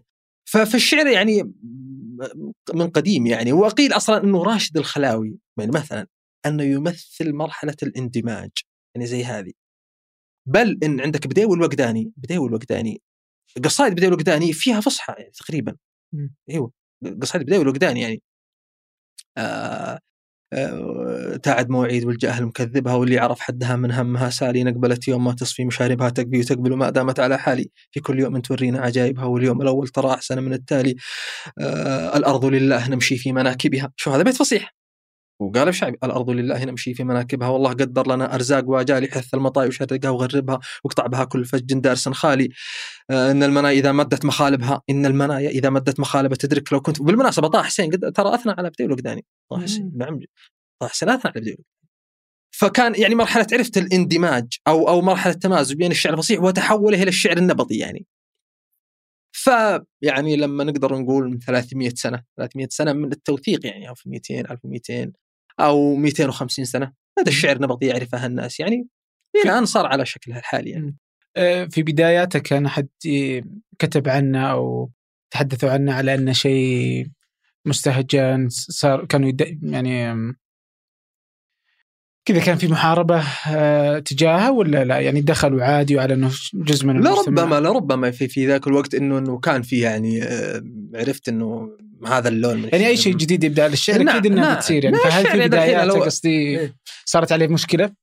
الشعر شوف أنت ما في كان في توثيق يعني راشد الخلاوي مثلا في في في في مرحلته هذيك أو في إنه مثل هذا النوع من الشعر وإنما بعضهم إلى الآن يعني يستهجن مثل هذا النوع أصلا إلى الحين خل باقي في بداياته الشعر نبطي أصلا بعضهم يقول مش مثل هذا اللون يعني من فين جانا وكذا وإنما هذا واقع يعني الناس أن يرضوا به يعني و, و آه لا يركنوا إليه كذلك تماما يعني وإنما يعني آه لا ينفكون. نرجع على الفصيح يعني.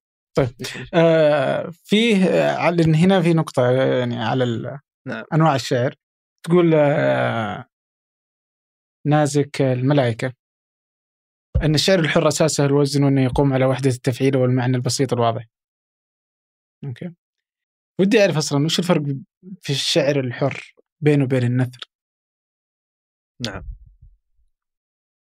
يقولون في منتصف القرن العشرين إيه؟ انتشر داء الكوليرا في مصر. وحصد عشرات الآلاف. فوقفت ناس كملاكة عراقية. بين أهلها. قالت سكن الليل. أصغي إلى سمع صدى الأنات في عمق الظلمة تحت الصمت. على الأموات صرخات تعلو تضطرب حزن يتدفق يلتهب يتبعثر فيه صدى الآهات. في كل فؤاد غليان في الكوخ الساكن أحزان آه، في كل مكان آه، روح تصرخ في الظلمات في كل مكان يبكي صوت هذا ما مزقه الموت الموت الموت الموت. فقام والدها فقال ما هذا الشعر الجنوني؟ ما هذا الهذيان؟ أين الوزن؟ أين القافية؟ ماذا تعني بالموت الموت الموت؟ ماذا تعنين بالموت الموت الموت؟ آه طبعا ناس كالملائكة يقول إنه أول معبد الشاكر السياب مع وإنما قبلهم واحد اسمه مصري اسمه باكثير هو م. تقريبا أول من بدأ هذا اللون من الشعر وكان يسميه القصيده المنطلقه.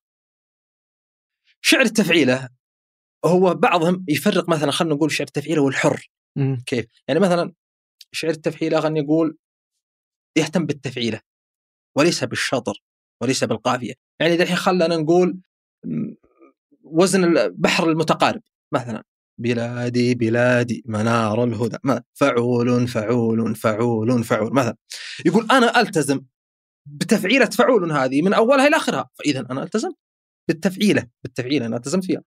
وقد وقد يعني ما ألتزم بس فعول مثلا قد دخل عليه متفاعل ومتفاعل مستفعل. المهم البحور الأخرى يعني. وإنما التزمت بالتفعيلة ولم ألتزم. بعدين يعني مثلا في الشطر أو السطر ألتزم يعني خلينا نقول خمس تفعيلات وثم تفعيلتين. جميل؟ وبعضهم قال لا. أنا أنا الشعر الحر. حر. بعضهم يقول الشعر الحر إنه تفعيله. بعضهم يقول لا الشعر الحر حتى حر من التفعيله نفسها أصلا. أنا ما ألتزم بالتفعيله هذه ابدا بتاتا يعني. ولكن هناك إشكالية. يعني مثلا أنت سمعت قصيدة قلت ناس الملائكة؟ فيها إيقاع صح؟ فيها موسيقى جميلة يعني. لكن هذه الموسيقى هل هي هل هي موسيقى الشعر المعروفة؟ هل الموسيقى التي ورثها ورثنا عن الآباء والأجداد موسيقى من القيس وطرفة وزهير والناب ليست هذه. يقول نار عبود هذه الموسيقى هذه لما تكلموا عنها قال آه، في في كان عنده أغاني الغابة أظن اسمه موسى النقدي ديوان. فقرأ الشعر الحر. قال أنا أحب الحرية وأقدسها في كل موقف إلا في الشعر. أنا ما أحب الحرية في الشعر هذه ما, ما تصلح الحريه إن كنت ما تستطيع إن كنت ما تستطيع خلي يا أخي الشعر يا أخي. إذا لم تستطع شيء فدع وجاوزه لما تستطيع. وإلا فإن السجع السجع. طيب السجع أنا أقدر أقول قصيدة ليش؟ لأن السجع اللي, اللي مثلا قسم ساعده أيها الناس اسمعوا وعوا من عاش مات ومن تحس موسيقى جميلة طربية. من عاش مات ومن مات فات وكل ما هو آت آتنا في السماء لخبر وإن في الأرض لعبرة. نهار ليل داج ونهار ساج وأرض ذات أم وأرض ذات أرض ليل ساج ونهار داج وبحار ذات أمواج. طيب هذه طيب ما هي مثل طيب مقامات الحريري. مقامات الحريري. قامت الحريري طيب طيب نقدر نسميها قصيدة نثرية قصيدة تفعيلة قصيدة شعر حر. الحريري بالمناسبة دام من حريري يقولون يقولون لم يكن للجاحظ لم يكن للجاحظ شبيه في في ال- في القبح. ما كان له نظير ابدا. لا قبلها لم يكن للمعيدي يقولون أنه لم يكن للمعيدي نظير في القبح. المعيدي يقول أن تسمع بالمعيدي خير من أن ترى. حتى كان الجاحظ. فقيل لم يكن له نظير في شبيه حتى كان الجاحظ فلم لم يكن شبيه الجاحظ. حتى جاء الحريري فنسي الناس الجاحظ. قال الحريري معروف يقولون دخل عليه واحد جاء من مسافة بعيدة. فوجده قصيرا دميما مكتوف شعر اللحية ثقيل اللسان. المهم وجد عليه صفات. بسم الله الرحمن الرحيم. فشاف الحريري إن ذاك صد لما شافه. قال ما أنت أول سار غره قمر أو رائد أعجبته خضرة الدمن فاختر لنفسك غير إنني رجل مثل المعيدي فاسمع بي ولا تراني. آه. طيب هذا ما أقدر بقدر أسميها أنا شعر؟ نعم اذا وتكلم. هي تكلمت ناسك الملائكة تحدثت وقالت إنه إنه إنه, إنه هذه سوف تكون نهاية مبتذلة لمثل هذا اللون ناسك الملائكة نعم والعقاد المفكر والأديب الكبير ماذا قال عنها؟ يقول يقول يقول هذه مهزلة يقول الآن الكلمة العربية كل كلمة إحنا كلمة اشتقاق يعني اللغة العربية لغة اشتقاق كل كلمة لها وزن ما هي مثل اللغات الأجنبية فأنا إذا أنا أنا أنا ما بلتزم بالوزن والبحر في, الشعر وهي والكلمة نفسها موزونة إيش فائده إذا القصائد؟ فيقول إذا ما تقدر خلها يا ابني هذه ولدت ميتة وهذه مهزلة هذا بالنسبة للشعر التفعيل أو الشعر الحر وما ما يتعلق فيه يعني مثلا خلينا لما أقول حتى في النبط يقولون الناس يعني يقول مثلا مجلس رجال على اليسار مقلط وعلى اليمين صاله وغرفتين نوم وبلكونه وكذا. القصيده هذه. ما هو شعر سوالف بس دقيقة. حلو. هذه نقطة ممتازة. يعني يعني هذه عبد الرحمن بن مساعد نعم. بس عبد الرحمن بن مساعد يعرف عنه يعني قصائد نبطيه وفصحى. نعم. فكيف يعني يعني ما هو إنه ما يمديك تقول عليه إذا مالك في الشعر اطلع برا. يعني له في الشعر ما أقول مالك أنا ما أقوله أنا أتكلم عن هذا اللون وهذا على سبيل المثال. فكيف يعني يوم استخدمه واضح إنه نوع مهم من يعني أو نوع نعم. انت طيب أنت تشوف أنت تشوف بغض النظر عن اهميته بس إنه نوع واضح في الشعر. مهم. أنت لما تقول لي قصيدة مجلس رجال على اليسار مقلط على اليمين مجلس. وش كان طيب كيف إيش كان مدخله فيها؟ طيب؟ أكيد مدخل يقول مجلس رجال. لا بس أكيد له مدخل شعري فيها أي صح؟ هو له, هو له معنى بس ما حتى لا لا لا شعري يعني ما لها قو... كيف ما تخلي ما أدري يعني ما تخلي ليش يقول إنها هذا هو يتكلم إحنا نقول لك إحنا شعر تفعيله إحنا شعر تفعيله هو يمشي على تفعيل أو يمشي شعر حر. لا يلتزم لا بوزن ولا بقافيه لا يلتزم بالبحر العروضي المعروف لا يلتزم خلاص كذا. هذا عبث. هذا عبث يعني تقول لي هو له تقدير واحترام أنا أتكلم لأن الحين أتينا على هذا اللون فجبت لك هي اللي جت في بالي الآن. أنا أيوة. كنت بمر عليها أصلا. اي نعم. فمثل هذا اللون يعني مستهجن تماما يعني. أنا ما أقول لك إنه يعني أحمد مطر الثورة فر من حظيرة البقر الثورة فثارت العجول في الحظيرة يعني. في في إيقاع جميل ولكن مثل ما قال مر عنبود وليس هو الإيقاع البحر والقافية الذي نعرفه. إيقاع البحر والقافية الذي نعرفه يعني الموزون. هذا إيقاع جميل يعني نفس إيقاع السجع. اسمعوا وعوا من عاش مات ومن مات فات زي كذا. لكن أما من مثل هذه هذا ما هو الشعر نتحدث عنه مثل هذا. يقول سمى كل شيء إلا الشعر. سمى كلام جميل يعني له إيقاع جميل. أي شيء يقول مر سمى أي شيء إلا الشعر. إلا الشعر. إذا خلاص بعدين أظن نزار إن كان ما خاب ظني في لقاء احد اللقاءات قال يا أخي إذا أنت ما فيه مثل ما يقولون standard يقولون في ارام وزن وقافيه يحتكم إليها. طيب أنا بكرة أنا ماني شاعر ماذا خلينا نقول؟ الرجال ذا ولا كتب قصيدة؟ قال هذه قصيدة. أنت بتحاكمه ليش؟ أنت إيش بتقول له كيف بتحاكمه؟ يقول لك قصيدة؟ طيب عن فلان يقول المجلس والمقلب أنت كيف بتحاكمه؟ ما تقدر تحاكمه ما تقدر تقول له شيء. أيوه ما في يقول مثل ما قال زار قال هذا ما في ثوب. الحين في ثياب تفصله خلاص. أما يقوس عليك أما تلبسه ولا؟ الحين هذا ثوب كل من أبغاه راح البسه وكل من ذا قال أنا شاعر. ويلا وعطاك من هذا الشيء. فإذا يقول إذا ما تقدر إذا ما تقدر ما هو شرط تقول عن ما, ما تكتب انه شعر يعني لا قول قول كلام جميل آه له موسيقى معينة كذا لكن الشعر الذي نعرفه والشعر الذي درج لذلك مثلا أنت لما تشوف نسك الملائكه وتتكلم عن يعني مثلا عبد الوهاب البياتي في في في ترى ترى طلع الجواهري. من من من من من, من القصائد لها سيروره عند الناس وحفظ وانتشار وجودة الجواهري طبيعة الحال الجواهري أكثر انتشار عند الناس الجواهري ليش؟ الجواهري احتفظ بالقصيدة العمودية. التزم بهذه القصيدة العمودية آه، شوف مثل ما يقول ما يصح إلا الصحيح ما يصح إلا الصحيح و... وهذا يندرج إذا نروح للحداثة كذلك. يعني وفي بعضهم كذلك يأتي بالحداثة يعني سواء في العمودية أو في القصيدة إيش؟ قصيدة التفعيله. في قصيده التفعيلة أو في العمود يعني شن نزار قباني هجوم شرس على الشعر الحداثه هذا إيش قال؟ قال كلام كلام سماهم يعني آه، سماهم آه، الاقليات الشعريه صحيح الاقليات يقول هؤلاء ماذا يكتبون؟ ولمن يكتبون؟ أنت يقول أنت أنت وش تكتب أصلا؟ ولمن تكتب؟ وسماهم اللبي نعم وسماه يقول هذا ليس بشعر. يقول هذا ليس بشعر ولا نضعه في خانة الشعر ولا في خانة الذكورة ولا في خانة الأبراج ولا في الكلمات المتقاطعة. قال الآن الشاعر الذي لا يلتزم خلينا نقول شعر حداثي ولا تلتزم. شعر حداثي وتفعيله يعني حشمنا سوى كيله. تفعيله وحداثي يقول لم يلتزم بوزن يقول نزار ولا قافية ولا إيقاع ولا شيء. فتخرج من القصيدة. وأنت فيك فقر الدم وفقر الشعر فقر الإيقاع. فقر يقول يا أخي أنت أنت إيش تقول؟ من اللي يسمعك؟ أنت وش قاعد تقول؟ أنت قاعد تتكلم. مثل ما قال بن عبيش الحاط يرسي في الشمس جنح البقالة. يعني صار إشكالية. الشعر هو تأتي فترات. تأتي فترات يعني آه، يحصل زي التشويش على الشعر العربي الأصيل. مم. يقول نزار يقول هؤلاء لن يستطيعوا أن يحركوا همزة من على كرسيها. ولا أن يحلقوا شعرة من ذقن أبي تمام. ولا أن يغيروا سنتيمترا واحدا من الذائقة العربية. يقول هؤلاء يعني يقولون إيش؟ نحن من ال- الشعر العربي أشبه بال بالنظام الاستعماري ونحن نريد أن نثور عليه. الشعر العربي واللسان القافية ما ترى ثم ثرت ما قلت يعني شو قلت يعني؟ ما فم ما لن يجد له أرضا يعني يمشي عليها. تماما. مثل ما قال طارق الحبيب بما أن جينا عبد الرحمن بن مساعد مع حفظ الألقاب آه بودي كذا أمر على يعني يعني فكرة الأمراء الشعراء آه وأنه كثير من الكلام إنه آه اللي يشترون الشعر آه أول شيء عبد الرحمن مساعد تحسه شاعر؟ إيه. أه؟ ما يشتري؟ والله ما أدري لكن شوف أنا بقول لك الشعر الفصيح جميل للامانه أنا ما اقولها أنا اللي أقول أقول ما أنا مقتنع فيه. لو هذا قلت سوكت ولا شيء ما بقول مقتنع فيه الشعر الفصيح شعر جميل لما عنده الشعر الفصيح جميل. بدر بن عبد المحسن مثلا عنده شعر جميل. جميل مرة بدر بن عبد المحسن آه بعض بعض الشعراء الامر خليني أقول لك يعني أنا وأنا بالمناسبة قد نزلت حلقة عن بدر بن عبد المحسن وذكرت يعني كثير من الشعراء ال ال ال الأغنياء واللي ما عندهم مشكلة حتى يشترون ومن أشهر أحمد شوقي ولد في ملعق في ملعق من ذهب أحمد شوقي.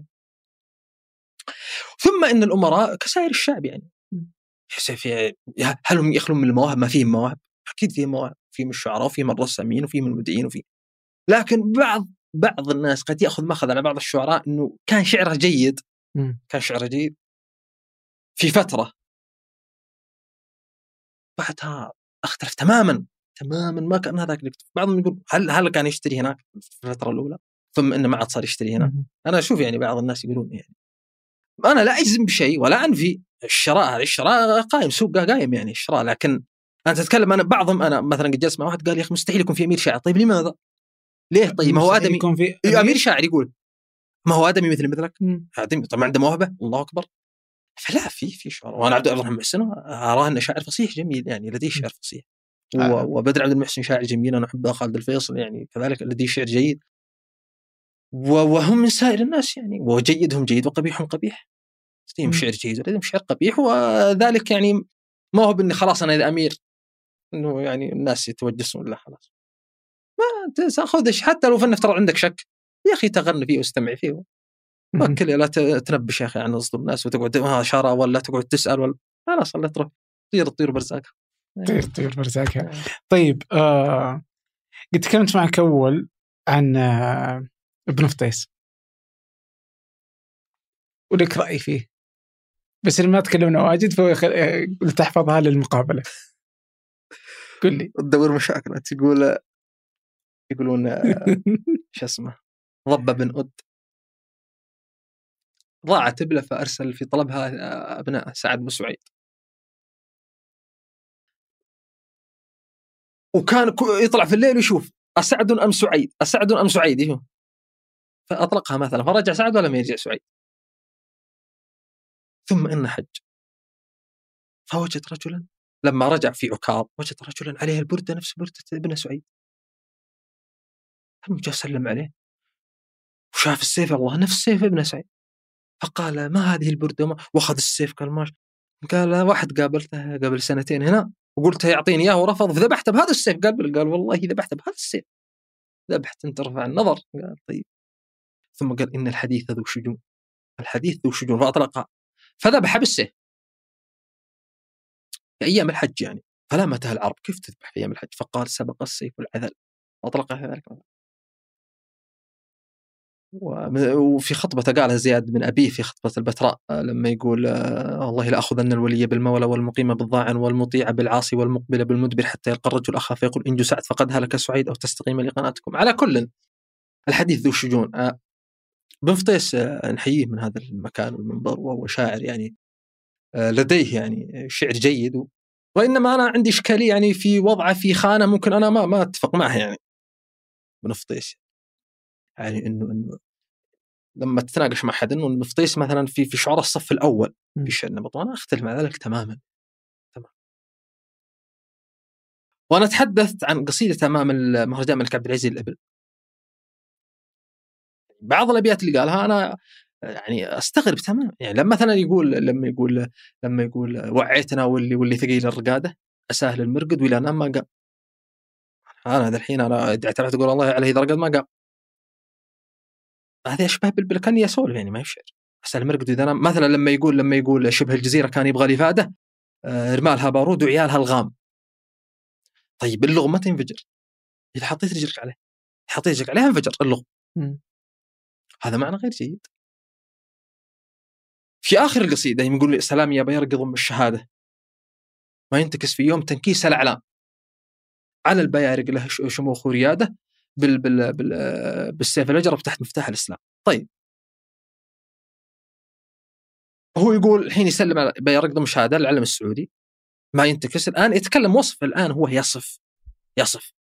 البيرق هذا أنها لا لم ي... البيرق السعودي لا ينتكس. إحنا ندرسها ان البيرق السعودي لا, لا ينتكس لأنه يحوي على شهادة لا محمد رسول الله. طيب ندرسها دراسة يعني المسألة دراسة ما هي مساله شعر. آه وأن له شموخ ورجع له شموخ ورياده نفس إنه ما ينتكس. هو يعني رجع في صدره في صدره راح رجع شرح عجزة. وفي عجز البيت الآخر راح صدره مفتاح الاجرب تحت آه، السيف الاجرب تحت مفتاح الإسلام. طيب أنت قلتها يرقض ام الشهادة. يا أخي الراعي النميري دخل على دونك مروان عشانكم يعني واضحين فقال أخليفة الإسلام إنا معشر حنفاء نسجد بكرة وأصيل. عرب نرى لله في أموالنا حق الزكاة منزلا تنزيلا. قال يا ابن أخي هذا قرآن وموعظة وشرح وتفسير. قال هذا ليس بشعر. هذا ليس بشعر. والراعي النميري يعني كان وقته. قال أنت الحين إيش تقول لي؟ تقول خليفة الإسلام ترانا معشر حنفاء ونسجد لله وعرب ونؤمن أن الزكاة الذي أنزل الله سبحانه وتعالى، طيب وين الشعر؟ مثل ما قال صالح حط ايدي على الشعر تلاقيني في الريره، وين الشعر اللي قلت أنت؟ ما في شعر. يا أخي انك أنت تحب في قصيدته في شعر مليون. طيب. حقيقه يعني شيء يعني مرعب. يقول بتكل على الله ونعم بالله. حق مم. 80 من ياتي ولا درام بتكل على الله ونعم بالله اللي ما يوصل دون خلقه بابه. طيب. بتكل اللي ما يوصل دون خلقه بابه. بقول واللجنة تقيم قولي. ومن كثرة الشعار ماني آبه. طيب من اللي يقيم أبو مالح يعني تقيم أنت؟ أقول ولا أكيد اللجنة بتقيم القول من كثرة الشعار أنا لي يعني تخيل إني أنا جالس معك عبد الرحمن بقول والله أنا بقول واللجنه ترى بتقيمني والله أنا ما دورت في الشعراء بقول واللجنه تقيم من كثرة الشعار ماني آبه والحمد لله واثق من روحي وإن كنت ذيبا فرجال ذيابه أخي مستحيل إذا كان تقول هذا الشعر. حقيقه يعني وان كنت ذيبا فرجال ذيابه يعني هنا الذيب مسكين يعني وقع في موقع غير جيد. ما هو مثل الذيب ذيب بدر الخالدي في شاعر المليون لما يقول آه لما يقول البارحة والجوع مسي ذيبي ومنه عوي. وراسنا مطوي يقول قمرة وراها بليتها. اخايله واقول يا عزي حالك القوي اللي تنقى في اسمان الفتح لا من جيتها. واللي بساميك يتقلدها الخوي مع الخوي العرب تبديك التحايا وانت ما حييتها. واسمك على النخوة يعد كل رسم تشتوي والجبال حيت عشاها وتترك ميت. المهم اللي يقول يذيب عزك في زمان السيف من قبل يهوي وقبل زمان العولمه للناس واتيكيتها. وقبل أن يغيب المنطق الحسي ويبقى المعنوي والغيره توزع تجمعها على تشتيتها قبل النوايا المستقيمة ما تعاج وتلتوي والناس تمشي في تعاملها حسب توقيت. المهم يقول في الأخير يا ذيب وقن بخلص صوتك يد ويا العالم دوي؟ ما دام خانتك الظروف الله يخرب بيتها. هنا الظروف هنا الذيب خانت الظروف مسكين.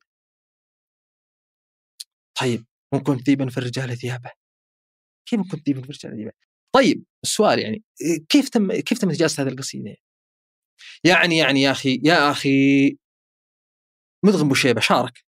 شارك في تصفيات مدغم. شارك بقصيدة يا أخي. للحزن في صدري لحزن ساحات بصدري مثل ساحات القتال. فيها رصيل من المهار يعود بخيالها. ولا يطفي حرم ابي من حراق واشتعل الدموع اللي من عيوني هل هلالها لا زال فيها دمعتين الفراق ولا يزال ذكراها نوف كل يوم احطها واشتالها راحت. عسى الله لا يلحقني مشاريها رجال تقول كني ما خلقت من التراب. الا المهم نقوله آه، احفظ لها قيمة غلاها. يقول آه، أحفظ لها قيمة غلأها وأنتظرها من شمال وإذا نستني هذه الدنيا وهذا حالها بالاسمع هذا البيت. اذا نستني هذه الدنيا وهذا حالها. أما اني انساها نسأل الله من نسى ذاك القبل يصب روحي صب دلة على المجال هذا مثل هذا لم يتم إجازته. وأجيزت آه، إن كنت ذيبا في الرجال ذيبا يا أخي أنا لو إني أنا في اللجنة أنا لو إني في اللجنة وجاني مثل القصيده دي أضرب أضرب إيش الجمال إيش الفن هذا؟ يا أخي بعض الناس كذلك يسمع للقص... يا أخي الشعر الجيد هو ساكت كذا ما أنا عندي إشكالية صراحة باللي إلا كان يسلك. هذه مشكلة. لكن أنك ما تطرب للشعر الجيد يا أخي لما معاوية بن أبي سفيان. لما أنشد عبد الله بن جعفر. قال أمن أمي أو فادمة لم تكلمي بحومانة الدراج فالمتثلم يقول ويرفع برأسه كذا. قال لماذا حركت رأسك يا ابن جعفر؟ قال أريحية أجدها يا أمير المؤمنين. اسمعوا وش قال. لو سئلت عندها لأعطيت ولو لقيت عندها لأبليت وكان عندها جارية كذا تخضب رأسها بالحنة. فأنشد فأنشد واحد. قال أليس عندك شكر للتي جعلت مبيض من قادمات الش... من قادمات الرأس كالحمم وجددت منك ما قد كان أخلقه صرف الزمان وطول الدهر والقدم. فجعل يضرب برجله. معاوية. فقال قد سألتني عن تحريك رأسي فإني أسألك عن تحريك رجلك. قال كل كريم طروب يطرب من هذا الشيء ما هم طربوا ليتهم لا يطربون. ما قلنا يطربوا خلاص لا تطرب. بس اجز القصيدة. لم يتم إجازتها ومثل هذه أجيزت يعني. طيب ذائقتك تختلف عن ذائقتهم طيب يعني ما هي ذائقة؟ وكيف يجيز يعني أربعة كانوا يعني طيب هنا السؤال هنا السؤال وفاز الشاعر مليون ولا قبول أنا وش قلت أنا أشوف قبول عند الناس بعدين طيب. شوف أنا وش وش إحنا الصياح عليها أصلا؟ إحنا الصياح إنه آه، أنا أقول عنده شعر جيد يعني لكن أنا أقول وضع فيه خانة أنا أستغرب منها حقيقه يعني, يعني وش يعني الخانة؟ لما يا أخي يا أخي شوف ابن ابن ابن ابن قتيبة في الشعر الشعراء قتيبة لما صنف الشعر لأربع مستويات. ما حسن لفظه وحسن معناه. وحسن لفظه وقصر به معناه. وحسن معناه وقصر به لفظه. ولا لفظ ولا معنى. ولا لفظ ولا معنى. وجاب استشهادات يعني. طيب لما أنت تقول لي لما أنت تقول لي انه إنه إنه, إنه أقول واللجنه تقيم قولي وكثرة الشعر ماني آب. يعني هنا أنا لو أسأل يعني ما هو المعنى الذي تحتها؟ طبعا هو جاب مثال على إيش؟ أنه قصر به معناه ولفظه كان كويس. ابن قتيبة جاب يقول إيش؟ يقول لما هذاك لما اخرج خلصوا الحج ويقول ولما قضينا من من كل حاجة ومسح بالأركان من هو ماسح وشدت على حدب المهارة رحالنا ولم ينظر الغاد الذي هو رائح أخذنا بأطراف الأحاديث بيننا وسالت بأعناق المطي الأباطح. يقول شعر جميل أنت لما تسمع يقول فلما تقلبه أنت قلبه طيب آه حجينا وخلصنا ورجعنا وانتهينا ومدي ما أسأل ذي فين هذا رايح لكن شوف في في في في موسيقى جميلة. وقال لا هذا ما له معنى. فلما تقول لي أقول واللجنه تقيم قولي؟ أقول واللجنه تقيم قولي؟ هذا لا يعني لا لا معنى يقولون يا أخي بشار بن برد. بشار بن برد. كان جاء احجارات اسمها رباب قال رباب ربة البيت تصب الخل في الزيت. لها عشر دجاجات وديك حسن الصوت. فمر بواحد قال أتقول هذا وأنت القائل؟ إذا الملك الجبار صعر خده مشينا إليه بالسيوف نعاتبه. قصيدة جميلة. هذه بشار يقول جها وده فازور أو مل صاحبه وأزرى به ألا, ألا خليل يعاتبه. آه، خليلي لا تستنكر لوعة الهوى ولا سلوة المحزون. شطت حبائبه. آه، إذا كنت في كل الأمور معاتبا صديقك لم تلقى الذي لا تعاتبه. فعش واحدا أوصل أخاك فإنه مقارف ذنب مرة ومجانبه. إذا أنت لم تشرب مرارا على القذى ظمئت أي الناس تصفو مشاربه. من ضمنها اللي يقول كأن مثار النق فوق رؤوسنا وأسيافنا ليل تهوى كواكب. قال أنت اللي قلت هذا وتقول رباب ربة البيت. تصب سواء السالفة أنت قاعد تقول سالفة قال اسكت فهو والله عندها الأحسن من من قف أنا ابكي مش عليه من السبب. فهذه يعني لا لفظ ولا معنى. هذا قاعد يسولف فأنا يعني أنت أنا ما أعتقد أنك لما تعرض مثل هذه الأبيات على على رجل اتركني أنا خلني أنا للسكون مثل ما يقول. اعرضها مثلا على أحد مثل هذه المقطوعة اللي جبتها أنا. ما أعتقد إنه إنه, راح يعني أحد يتقبل مثل هذا الكلام. فأنا أعجب أنا أقول لك إني أعجب إنه كيف تمت اجازتها يعني هذه ما في مشكلة يمكن صار في بعد أبيات جميلة لكن هنا هنا كيف تم اجازه من, من هذا المكان يعني؟ وتركت وتركت مثل من قصيده وغيرها الكثير يعني لكن هذه يعني يوم تكلمنا وأنا والله إني قد قلت لأن أنا والله نذكر مرة قد ركبت فيه كريم. المهم قال واحد قال أنت خادعون؟ قلت إيه. قال وش معك على مفطيس؟ وش معك عليه؟ وش؟ قلت أو لا والله قال لي خادعون قلت لا والله إني قلت لا ماني مالي حيل. اولا الظهر وتقول بيراجع من إجازة واليوم الثاني دوام وزعلان ذاك الوقت أصلا. قال إيش معك مفطيس؟ ما لي حل لو أنا قلت له كنت تكلمت عنه. أنا يعني والله إني لما قلت بتكلم في سلسلة أنا أعرض فيها رأيي الشخصي. رأيي الشخصي. بحيث لو أحد أقول أقول له هنا السلسلة موجودة يعني وإنما حبسني حابس ولكن لعلي أتحدث عنها في الوقت الذي أنا أراه مناسب يعني. في في هذا الموضوع. يعني خلنا وأنا بشر قد أصيب وقد أخطئ يعني قد يكون رايي غير صحيح. يعني قد يكون رايي غير صحيح. وقد ما تتفق معي. إيه؟ قد ما تتفق معي. أنا بقول أنا كلامي كله صح. لا. أقول كلامي كله صح. وين كنت أرى كله صح أنا بس الواحد يعني رحم الله امرأ فرقد نفسه يعني ما ما الانسان قد يصيب وقد يخطئ أنا بشر و... ورحم الله امرا اهدى إلي عيوبي. والأمر يعني يؤخذ فيه ويرد يعني. في في غيرها أما في هذه المقطوعة اللي جبتها أنا ما يؤخذ عندي فيها ويرد. لا يعني لأنه سهل إنه يعني تأخذ أنت بيتين إذا وجدتهم ضعيفة وحتى هو يمكن صح صح. احسنت هذه يعني نقطة حلوة إنك إيه. إنك مثلا مسيرة شاعر تأخذ منها أبيات وتسلط الضوء عليها. اي إيه تسلط الضوء عليها وتقول لا كيف انت تقول كذا. أنت تتكلم عن مسابقة. أنا في هذا أتكلم عن مسابقة. جميل؟ وأنت تتكلم عن إنه إنه إنه في إجازة وفي وفي وفي تدقيق عند كل بيت. دقيقه عند كل بيت هنا طيب كيف كيف يتم اجازه من هذا البيت؟ أنا أقول يعني أنا آه يعني تساؤلات. سائل يسأل سائل يسأل. أنا سائل يسال الحين ليش كل اللجنه حاضرتك في في تويتر؟ إي نعم. والله شوف يعني غسان الحسن ما عنده حساب في تويتر ما هو بحاضرني يعني. والله كان قد من اول كان قد حط ترك المراخي سعودي يستحي مني الله اعلم اني يستحي مني ترك المراخي حضرني والله لا أعلم يعني صراحة ما إيش دعوه؟ ها؟ كذي يعني ولا عشان شيء؟ والله لا أعلم كل واحد الحالة تتوقع؟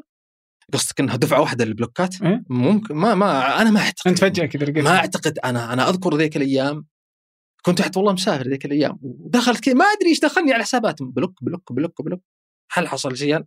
ما ما أذكر للأمانة يعني أنا ما ودي اني أقول إنهم بلكوني كذا ما ودي أفتري عليهم أقول إنهم لا اجتمعوا قالوا يلا نبلك الرجال ذا ما لا أعلم يعني مع, مع إني أنا حمد السعيد صراحة احب هذاك الرجل أبو خالد للأمانة مو بلكني هو بس إني أنا أنا وجهة نظري الشخصية في لجنة فعل مليون أنا أشوف حمد السعيد أفضلها. لماذا حمد السعيد قريب من ذائقة الشعر الخليجي؟ يعني غسان حسن لديه معلومات ولديه ولديه شغل أكاديمي في هذا المجال وإنما الذائقة تحكيم الشعر النبطي يحتاج لها أنا أشوف إنه ذائقة ويحتاج لها قرب من من اللهجات المحكية. وهذه يتقنها جدا حمد السعيد ولديه ذائقه جميلة جدا. وأنا أشوف انه من اكفأ يعني أنا كنت شاعر. أنا خالد لو كنت شاعر وتقدم الشعر المليون أنا اتمنى يعني أحرص على رضا حمد السعيد أكثر من اي من, من أي يعني رجل آخر في شعر المليون أما هذه البلوكات تقول ف ما لا لا أمر لعل أمر دبر الليل يعني ممكن.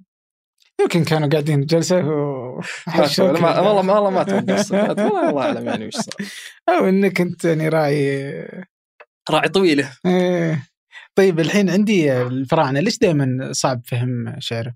منطقي عادي ولا؟ الفراعنة أبو فاس الله يمسيه بالخير. والله الفراعنة. ولا تقول أنت لحالك اللي ما تعرف. ها؟ اللي هو أنا. لا لا احسنت لا لا فعلا كلامك صحيح. يعني الفراعنة هو شوف صراحة رجل يعني صاحب ثقافة واطلاع في التاريخ القديم وأعتقد حتى في الميثولوجيا يعني مثل ما يقولوا السلطان موسى يحب كلمة الميثولوجيا هذه بينبسط لو سمعها. آه يعني مثلا خليني أقول لك ناصر الفراعنة يعني يكثر من حشو الشخصيات التاريخية في قصائد. يعني مثلا أنت لما تسمع ناقتي ناقتي على سبيل المثال يعني خلينا نأخذ عشان بس توضح الصورة. يعني هو لما يقول إيش وطس محدتها على حائط المبكى جديس. يا مشق الثوب بنت عفار شموس يعني مثلا سألتك عبد الرحمن من؟ يمكن مثلا إيش يقول هذا. اولا أنا أحتاج أعرف من اللي يتكلم عنه. من طسم من جديس؟ من. شموس هذه؟ من عفار؟ من يتكلم عنه؟ إيش الرجال؟ عشان بعدين أشوف وش يبغى يقصد. وش يقصد من الكلام هذا كله أصلا؟ أيوه أول شيء أبغى أعرف أنا. فلذلك يبغى لك تكون أنت عندك عندك عندك تاريخ عندك اطلاع عشان أنا أقعد أفهم. يعني مثلا خلينا نأخذ يعني؟ طسم وجديسه طسم وجديس هذه من من من, من القبائل البائده كانت في اليمن ما كانت موجوده هنا. و يقال انهم أبناء عمومة. فملكوا عليهم رجلا من طسم يقال له عمليق. فأكثر فيهم الظلم. فتحاكمت إليه امرأة يقال لها هزيلة مع زوجها، امرأة هذه من جديس. اللي هي جديس. فلما في غلام كان بينهم فقالت أنا ما أدري قال الغلام يصير معي أنا اخذه أنا قال خالي عوض أنا آخذه وأمر ببيعه وزوجها. فقالت آه، أتينا أخا طسم ليحكم بيننا فأنفذ حكما في هزيلة ظالمه قل أنا طيب أنت تظلم؟ قال إيش؟ أنا أنا ظالم. فأمر الا تزوج امرأة من جديس حتى تدخل إليه فيفترعها. تدخل عندي أنا أنا أتصرف معها بعدين الله يساعدها فتزوجت تزوجت عفيرة بنت عباد. أخت الأسود بن عفار آه، أخت الأسود بن عباد سيد سيد جديس. وهي يق- يقال لها الشموس هي ذكرها الفراعنه فدخلت عليه. فافترعها. لما خرجت قالت ما لا أحد أذل من جديسي أهكذا يفعل بالعروس. وقالت قصيدة تقول آه أيجمل ما يؤتى إلى فتياتكم وأنتم رجال فيكم عدد النمل؟ وتصبح تمشي في الدماء عفيرة جهارا وزفت في النساء إلى بعل فلو أننا كنا رجالا وكنتم نساء لكنا ما نقر بذا الفعل. فموتوا كراما أو أميتوا عدوكم ودبوا لنار الحرب بالحطب الجزل إلى آخر القصيدة. فلما قال ذكرت الأبيات هذه؟ ث- ث- يعني يعني عرفت اللي اللي, اللي, اللي حمست ربع أجت- أجتمع بها من أخيها طبعا لما طلعت هي للناس وشق الثوبه كذا. خلاص شق الثوبه يعني شوفوا. كان يقول ش- يوم شق الثوبه بنت عفار إيش مسلم يقول فرح فاجتمع قال والله والله ما والله ما أعز منكم من دياركم يعني ليش معز منا؟ ولو اجتمعنا لانتصفنا منه. قالوا كيف هم كانوا كثير آه، تصف قال نجمعهم. نعمل لهم وليمة وندس السيوف في الرمال فإذا جو قتلناهم بهذه السيوف. فاجتمعوا وذبحهم كلهم فبقي منهم ناس وراحوا اليمن استنصروا بأسعد بكرب اليماني الملك التبع اليماني فأرسل ابن حسان.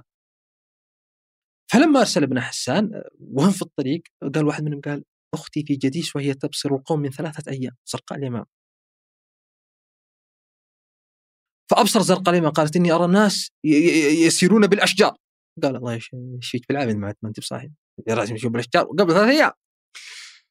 إيه وصلوا انهام تماما ابادهم يعني وأخذ هذه وفقع عينها ووجد ال- الكحل الإثمد. قالت هذا قال ما هذا؟ قال هذا الإثمد انك تحل به يعني قتلها. نعم الآن شوف قعدنا في سالفة يمكن أنا ممكن أختصر ذلك. عشان أعرف أول شيء من طسم جديس ويقول جاحظ حتى إنها انه يتكلم عن عن سالفة إنه زرق الامام هذه ابنة لقمان بن عاديان لقمان مذكور في القرآن صاحب آه، آه، سبعة نسور. اللهم ذات يقول اللهم رب البحار الخضر. والأرض ذات النبت بعد القطر أطل عمري فوق كل عمر يقول له لقمان بن عادي. قال إنه لا سبيل لك إلى البقاء فاختر سبع بقرات عفر في جبل وعر أو سبع نوايات من تمر مستودعات في صخر أو سبعة نسور كلما هلك نصر آه، قام نسر فاختار النسور و... و... و... إلى أن أتى نسر الأخير لبد. أضحت خلاء وأضحى أهلها. آه، أظن شيعا. أخنى عليه الذي أخنى على لبد يقولها النابغة في معلقته. آه، مثلا لما يقول لما يقول بين خدعة كعب خيل ومولد أدونيس يقولها في. قصيدته درسونا الآلهة والمدرس هم يروس. طيب من كعب خيل؟ من, من هم يروس؟ من السابع كعب خيل هذه في في قصة طروادة الإغريق مع طروادة. لما باريس آه، أخذ الملكة هيلين كانت سبارتا مثل ما يقولون وأخذها فأرادوا الإغريق أن ينتقمون. وقيل أن أخيل لا يدخل في معركة إلا وينتصر. لأنه لما ولد أمه كانت يقولون من الحوريات فغمسته في نهر خالد مسكته من كعبة. فلم يغمس كعبة فكان نقطة ضعف في كعبة. فهذه تقال حتى في إذا فلان عنده نقطة ضعف قالوا نقطة كعبة خيل يعني. فلما رجعوا حاصروا حول عشر سنوات. عشر سنوات ما استطاعوا أن يدخلوا المطروات هذه في الأخير جاء أوديسيوس هذا في غاية الذكاء كان. وقال خلنا فكرة الحصان. حصان طروادة مثل ما يقولون. ودخلوا فيه وخلاص قالوا أقول لكم خلونا يعني ننسحب. وقالوا نحن انتصرنا. بعدين أدخلوا الحصان جوا المدينة فخرج اوديوسس واللي معه وفتحوا ال ال ال الأبواب ودخلوا عليهم و... ثم إنه قتل. قتل باريس هذا قتل في كعبة كعبة خيل. المدرس هوميروس مثلا. نقول مولد أدونيس. ما مولد أدونيس؟ أدونيس هذه في يعني قصة الشهيره انه بعضهم يقول أدونيس شاعر وهو يقصد أدونيس إنه آه، ان ان أنها أفروديت. أفروديت هذه كانت يقولون آلهة الحب والجمال عند الرومان الاغريق الميثولوجيا الاغريقيه ف كان في رجل ملك من الملوك يمتدح بنته إنها جميلة جدا. المهم فهذه فقالت سوف أحل اللعنة عليها. فحلت اللعنة عليها. فصارت تذهب إلى أبيها يعني. تذهب إلى أبيها وحملت منه سفاحا. ابنتها حملت من أبيها يعني. فعلم أبيها فلحقها فهربت إلى الغابة فلما دخلت جاءت هي وحولتها إلى شجرة. اسمع من الكلام يا ولد؟ هذول اللي ما حولتها إلى شجرة. أيوه ولما رجع السكن هذا طلع بعد عشر شهور حملت حملت آه، حملت بهذا الغلام وخرج بعد عشرة شهور وأعطتها حطتها في تابوت وأعطتها أختها ملكة الجحيم وقالت احفظيه عندك. ورجعت بعدين وقالت وجدت أن أختها حبت هذا الرجل. بعدين خير بين أفروديت وخير بين قصة طويلة عريضة. فأنت شوف هوميروس هو كاتب ملحمة الالياذه هوميروس الشاعر اليوناني لا مش فشوف أنت يعني الحين هذه يعني حتى ما أنت حتى لو عندك علم بتاريخ العرب هذه يبغى لك اطلاع كذلك في وهل هذا منطق طيب إنه يكون كذا قصيدة بهذه الكم احسنت سؤال جيد. فوائدك الجميل أبو مالح. والله أنا شوف أنا أنا صراحة أنا ما أحب كثره يعني عرفت يعني إغراق القصائد بالشخصيات والشخوص التاريخية والاحداث آه، شوف يقولون أن الشعر يأتي إما من العقل أو يأتي من العاطفة يعني. فإن كان من العقل فلا يكون بذاك اللذة يعني بالاستمتاع فإن أتى من العاطفة وكان حديث النفس يكون يخرج من القلب للقلب مثل ما يقول آه ومن ما هذا؟ له الناصر الفراعنه هذا يحبذ يعني. وله جمهور يعني محبين لمثل هذا. أنا عن نفسي أنا أتكلم عن نفسي يعني كثرة يعني يعني وضع الشخصيات التاريخية والقصص. ممكن يعني لا يجد له قبول كثير وإنما أبو فارس شاعر يعني. ما عليه كلام يعني. استخداما للفارسية في استخدام الفارسيه ويمكن حد بيعرف يطلع كذا بطلعه. إيه. إيه يطلع بطلعه يعني أنا أنا ما اشوفها يعني إنها بس انها هو قال خلني أطلع بذي الطلع يعني وعرفت إنه لأن إحنا يعني معنا عداء مع إيران وخلني أتكلم بلهجتهم يعني. آتي القوم بما يحسنونه ويفهمونه يعني. فتكلم هو بهذا يعني. ولا شاعر يعني. نبعث له التحية والسلام. لا يعني شوف أحس زي شوف الحين آه إنك آه تتعذر اجاب أتعذر. شو وابن فطيس آه، تدور العلة. يا أخي لا والله شوف. والله شوف شوف بقول شوف. آه بالمناسبة يعني يمكن جمهور فطيس بن فطيس ترى يمكن يمكن أكثر من جمهور الفراعنه طيب يعني أنا أنا طيب ليش أنا ما أقول يعني رأيي في الفراعنه يعني الذي أوقن به؟ يعني إذا وصلت يعني هل هو خوف من الجمهور؟ طيب ليش؟ بل يمكن أحدث كذا يتكلم على الفراعنه ما والله ما يمثل المسألة الفراعنه عنده يعني قصيدة نكتة نكتة قصيدة يا أخي غير من يجر الغي لمه مثل من عذاب الروح. لا قصائد ترى بالناس جبينة ما, ما أدخل في شخصيات تاريخية. بس يعني ولا يعني ما أتصور إن أحد في السعودية كلها أو الخليج كله نعم. إنه يستشهد ببيت من بيات الفراعنة في يوم العادي. لا في. يلا عطني غير ذبحني يجر الغي والأمة. دائما نقولها والله خوي قحطاني ازعجني فيها. أقسم بالله العظيم إنه ازعجني سياف قحطاني ازعجني فيها والله العظيم. بس أنت فاهمني؟ نعم. يعني تكمن قوة الشعر. كذا لما الناس تستخدمه يعني قلت لك أنا؟ ترى قلت لك قلت الشعر أما من العقل ومن العاطفة. الذي يكون بين الناس العاطفة ترى. آه، العقل يجد حاجز كويس أنا ناسي والله وش الظاهر في قصيدتين له في شعر مليون أو واحدة. في واحدة تستخدم دائما. أي مثلا كيك وعسل لكم في صحون أنا أستلذ أقولها صراحة. إيه. لكن دعاك من عين الحسود اختارك الله لا يعطينا سنا هل هل أنا أنا سبيت تاريخ مفطيس كاملا يعني شعر؟ أنا أنا قول لي. لا بس أنت زي ما آه. سويت يعني كذا كأنك رحت اخترت أبيات بن برده وقلت بشار بن برده ما بشاعر اولا فأنت اولا اولا فأنت سألتني. لا بشار بن برده يستهبل مثل سعد بن جدلان يقول يا سلم فوق دركسونه دركسونه مكينته فوق كبوتة مكينه يعني أنا آه واحد يقول يقول إيه؟ جدلان طيب كيف يقول كذا؟ قلت ابن جدلان قال لا هذه محسوبة عليه.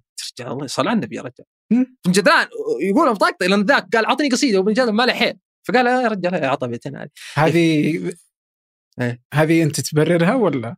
ما هو يبررها يبرر يبررها الناس يبررها لا- لا- لا- الاوادم يسكن ما هو يستاهل هو يقول استهبال أنا مالي حيل أعطيك قصيدة. يلا خذ لك آه، وكيل فوق مكوي هي إيه مرة. يعني هذه يعني نعم. إيه؟ إذا قال آه، إيش اسمه؟ من هو اللي قالها؟ نعمتي نعم سفاح الشمبري نعم نعم نعم. يعجبني السفاح ف يعني لما تقول فطيس أنت سألتني اولا ما أنت سألتني. نعم و... وأنا أقول يعني أنا قلت أبغى أتكلم عن مسيرة. أنا أتكلم عن عدة استشهادات مو بس. آه وأنا أنا ليش أقول لك؟ أنا ليش أقول لك؟ إنه يعني واحد وضعها في مقارنة مع شاعر والله لما خرج من شاعر المليون لما أحرز البيرق فاذكر كنت في ديوانية. ومعنا واحد من شيخوي اللي جاب واحد ما أعرف. لو كان الناس في فورة بن فطيس ف أنا قلت وقلت بن فطيس يعني شاعر له ابيات جيده. أنا أقول هذا الحين وبكرة بعد. وإنما أنا ما أشوف اللي تشوفونه يعني انها انها واو. أنا ما أشوف هذا ووض- ووضعت اسم شاعر ثاني ما ودي أقول عشان يقول راح يفتن بينهم. قال إيش؟ أنا أول مرة قابل المفروض إنه يستحي مني أصلا. قال والله ما أنت مريض أنت يا رجال الله يشفيك بالعافية. اسكت والله انك والله. أقسم بالله العظيم يقول فاسكت أنا أقعد أناقش الذي مالي حيل خليني أسكت أحسن. لا لا بس بتلاحظ إنك آه، آه، في في في هجومك تكون آه، ما أهجم أنا ما أهجم. هلا والله. والله شوف أنا ترى أنا ما أغلط ما أزل. يعني ما ما أتكلم في الشخص نفسه وكذا أتكلم في الأبيات. وبعدين هو هو شوف من تصدر العامة يعني يتحمل يعني ما وأنا أقول إنه ما وحتى إنه قد ياتيه من ناس يعني كلام غير مبرر إنما أنا كلامي أتحدث يعني آه كلام في أدبة لا أتحدث في شخصة. آه، برر لي محمد الثبيتي كيف إنك لا تراه شاعر؟ ما قلت لا أرى شاعر. آه، ما قلت لا أرى شاعر. ما غير ما أقول ما أرى شاعر. طيب إيش؟ ما أدري جبت الكلام لا لا والله ما قد أقول. شوف أنا أقول محمد الثبيتي شوف محمد الثبيتي. أنا الحين اتكلم أنا. هو أنت بترجعنا. أنت- دقيقة أنت تقول إن محمد الثبيتي ما عنده في شعره كله إلا قصيدة واحدة. ما أقول ما عندي. أنا بقول لك. أنا خليني أوضح لك. هيا نوضح مالك أه محمد الثبيتي أنا برجع لك سالفة. محمد الثبيتي يعني باتفاق الناس المتابعين لشيء. محمد الثبيتي إنه شاعر حداثي. هذا مما لا اختلاف فيه. والغموض والغموض والرمزية يعني تطغى على قصائد محمد الثبيتي. هذا شيء يعني ما شاء الله لا نختلف أنا أنت ولا الرجال.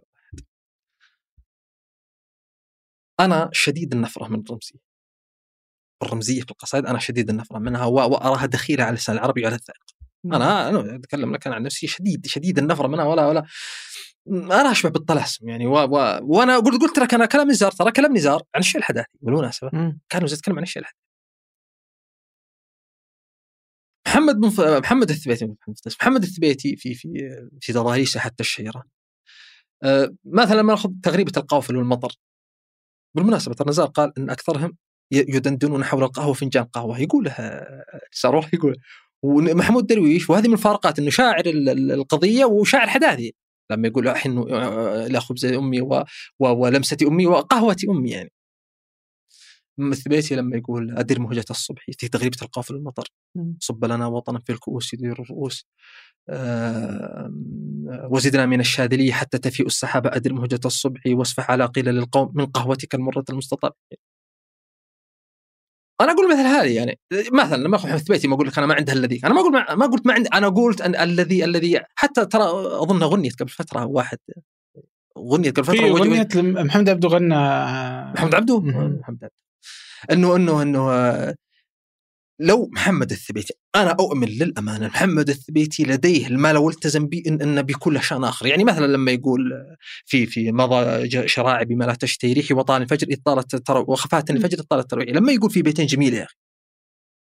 وما تيممت شمسا غير صادقة ولا طرقت سماء غير مفتوح قصائدي حيثما ينتابني قلقي وم و و و ومنزلي حيثما ألقي مفاتيحي يعني شوف مثل هذه طيب. ماذا أقول نحن طيب ماذا نصيح طيب. من الصبح طب أقول لك هذه جميل إيش أقول لك طب إيش قلت لك أنا؟ انت أنت تراك أنت نفسي معي الموضوع. إيه. أنا أقول لك إن هذه إيه. الناس يعني حتى البيتين هذه إن اراها جميلة أما أما قصائد الثانية المغلفه الرمزية أنا أقول وجهة نظر خاصة في. الرمزية أنا أنا لا أحبذها ابدا وشديد النفره منها وأرى إنها يعني الذائقة العربية لا تستسيغ مثل هذه الرمزية وال- بس طب كيف بررتها. بررتها لل من؟ وإن اختلفت شوي آه، مع مع الفراعنة. ال- مع الفراعنه ما ما هي ما هي رمزية فرع والفراعنه يعني قد لا تكون رمزية بس إنها رمزية في شكلها لا، لا، شوف الأخير الفراعنة يعني و- أنا ماني وأنا- فاهم ولا شيء. وأنا أقول لك أنا قلت لك الفراعنه قلت يعني الفكرة كلها واحدة. اني لا. أنا ما فهمت اثنين. لا لا لا لا لا سلامتك ما هي الفكرة واحدة. هذا يبغاني أروح أقرأ التاريخ؟ لا لا تختلف تماما. هنا يكون عندي اطلاع فقط. هنا لو عندك اطلاع الليل والنهار. ما... تواجه إشكالية. ما ما ما, تعلم. تجد أن الكلمات داخله ذا ذا وذا راجع على ذا مثل إيش؟ من فوق. يعني مثل مثل هذه اللي قلت لك. يعني. وقصائد كثيرة ترى في المناسبة الشعر مثل هذا الشعر الرمزي حفظه من الصعوبه بمكان وإنما اطلاعك عليه انت تخرج بنتيجه بعد ذلك. في الشعر الرمزي نتكلم يعني. إنما الفراعنه إنما الفراعنة آه تتكلم يعني لما مثلا فراعنه مثلا لما يقول آه، إيش اسمه يقول عشتي ما بين اسود اسودا ولو ماني رئيس؟ في. هذه القصيده. خير من كوني رئيس عشر قد وين الرمزيه؟ ما في شيء. اطلاقا ما فيها رمزيه أيوه. آه يقول يقول إيش؟ ولا يوطي الروس شيء مثل آه والنفوس اذا بغيت تعرف فرم النفوس. ترجع على ذناب المهم قصيده الشعر كلام واضح جميل. إنما هو يكثر أو أو أو متميز في في هذه الناحية إنه أنا عندي شخوص تاريخية و آه، يعني واكثرها في قصائدي ويكون لها حيز كبير في مم. يختلف عن بيتي أنا ما يعني مثلا يعني زي. زي حقة عبد الملك بن مروان إنك تقول لا تجيب لي الدين هذا لا تجسس على كتاب التاريخ هذا حطه في الصف الرابع الابتدائي شوف شوف شوف حتى لو كتاب التاريخ هو أنت اشكاليتك ما هو الشعر. والرمزيه جزء من الشعر شوف- شوف. العربي صح؟ لا ما أشوف الرمزية ما فرق الرمزية يا أخي اني أنا أنا ترى شوف الرمزية زمان ما كان عندهم رمزية ما كان في يا أخي من قيس وذل ترى ما كان عندهم رمزية بالمناسبة معلقات. المعلقه ما فيها رمزيه رمزيه ما فيه ترى أنا بقول لك شيء المعلقات المعلقات يا أخي ترى بالمناسبه هي حتى حتى آه، ضد البيان العربي الاصيل، البيان العربي والبلاغه وفيها التش- التشبيه والتصوير، الرمزيه تختلف تماما، أنا كذا وارمي يعني مثلا رصيف الشمس جنحها البقاله، امور يعني لا تركب مع بعض أصلا أنا أقول بنقول. خارجه تماما اما التشبيه والتصوير والكنايه والتوريه في الشعر العربي في الشعر العربي. لكن مثلا يوم تقول مطلق الثبيتي أنا أظن قلت مثل ناخذها يعني مثلا مطلق الثبيتي شاعر محاوره معروف جدا. له ديوان فصحى وهو شاعر محاوره وقال قصيدة في الأندلس يعني جميلة أنا يعني لما عرفت التزم بال- بالمنهج ال- الذي يعرفه الناس والشعر العربي الذائقة العربية. يعني لو محمد الثبيتي أنا أشوف ما ما تنقص امكانيات للامانه ما تنقص إمكانيات وإنما هو اختار طريقة يعني. إنما هو اختار طريقة محمد الثبيتي لكن مثلا مطلق الثبيتي لما يقول غرناطة هل يعيد الروح انشادي للقصر للقمة الشماء للوادي. لقلعة كانت الأمجاد تسكنها أمجاد قومي وتاريخي وأمجادي للزخرفات لجنات العريف لمن كانوا على البعد آبائي وأجدادي. وهل تعود إلى الحمراء رونقها؟ وهل يعود أبو الحجاج للنادي؟ وهل تعود عروس الشعر راقصة بين ابن عمار يوما؟ وابن عبادي كانت على ضفة الوادي الكبير لهم آه، مجالس من رؤاها. يرتوي الصادي في ظلها يقف التاريخ منبهرا لرائح من مغاديها. وللغادي حين الرميكية الحسنة أبطرها مشي على المسك والكفر والكذب. يعني أنا أنا احاكم الانسان يعني في مثل هذه إلى ذائقته للأمانة. يعني يعني أنت لما لما تأخذ مقارنات يعني. نعم. آه. أنت لا تقول قلت ما هو شاعر اطلاقا ففرق إنك تقول ما هو شاعر. هذا ترى مشكلة. ما هو شاعر. وفرق إنك تقول أنا عندي يعني تحفظ على يعني اللون الذي هو يطرقه والنفس الذي يتنفس في شعره. هذه يعني حق أعتقد لكل أحد يعني يبدي رأيه فيه. نعم. بس كذا جيتك آه، أحيانا تقسو أو إنك تكون آه، لاذع النقد. آه، لما تجي تتكلم عن الناس كذا كأنك أنت آه،. حاقد يعني؟ لا لا مو بالضرورة إنك حاقد عليهم. إيه. بس كذا ما يجوز لك تبدأ تقدر تطلع عليه اللي تبي. يعني باخذ أمثلة يعني بن فطيس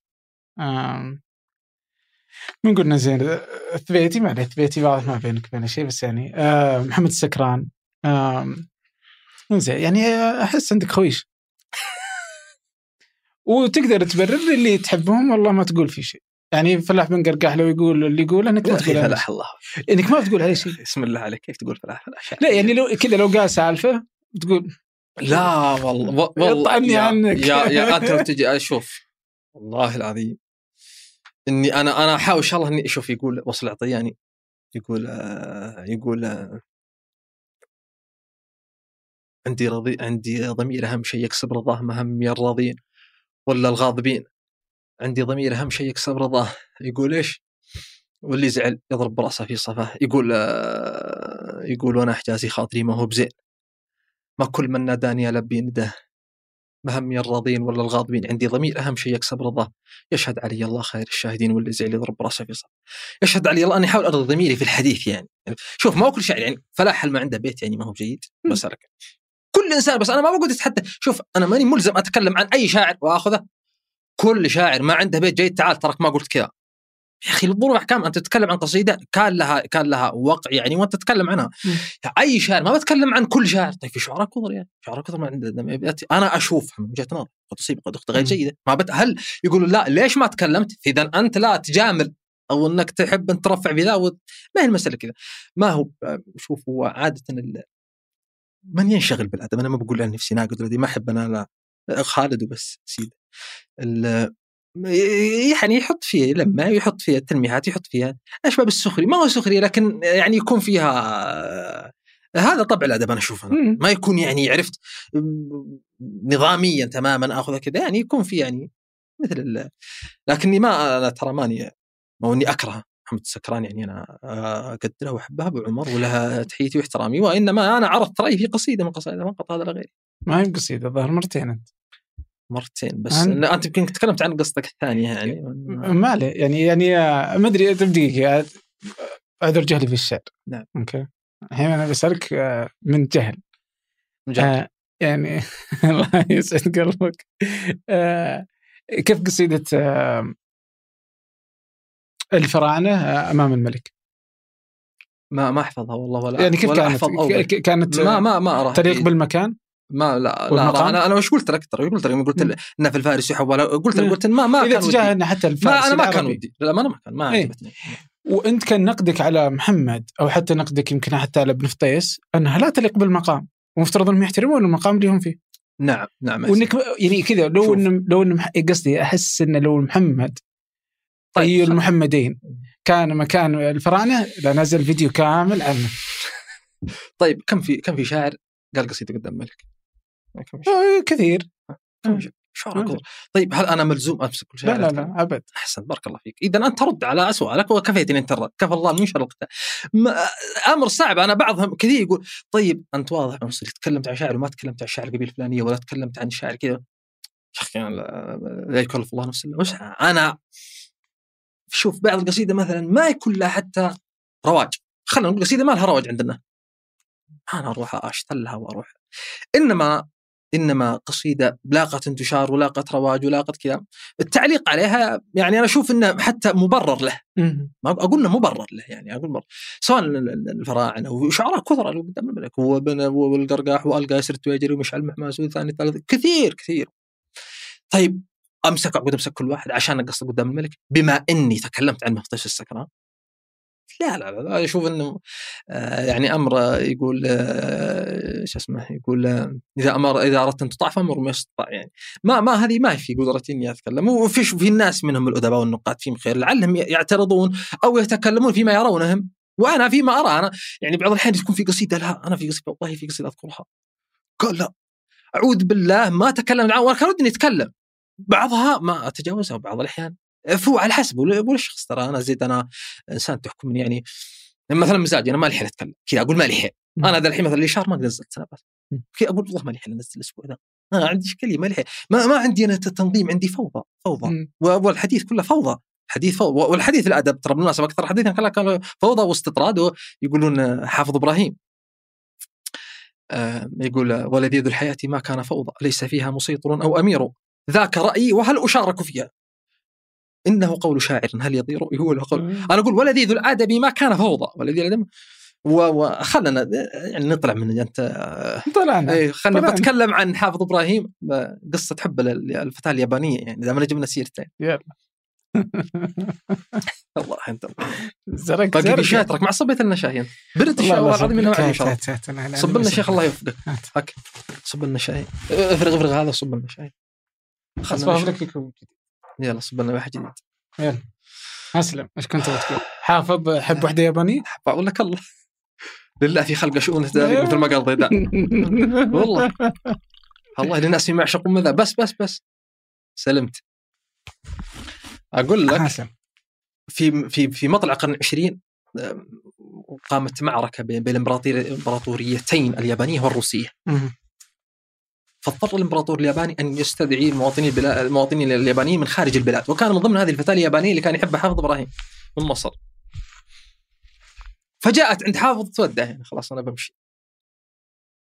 قال قصيدة يا أخي جميل يقول لا تلم كفي إذا السيف نبأ صح مني العزم والدهر ابى رب ساع مبصر في سعيه أخطأ التوفيق في مطلب كنت اهوى في زماني غادة وهب الله لها ما وهب. ذات وجه مزج الحسن به صفرة تنسي اليهود الذهب. حملت لي ذات يوم نبأ لا رعاك الله يا ذاك النبأ.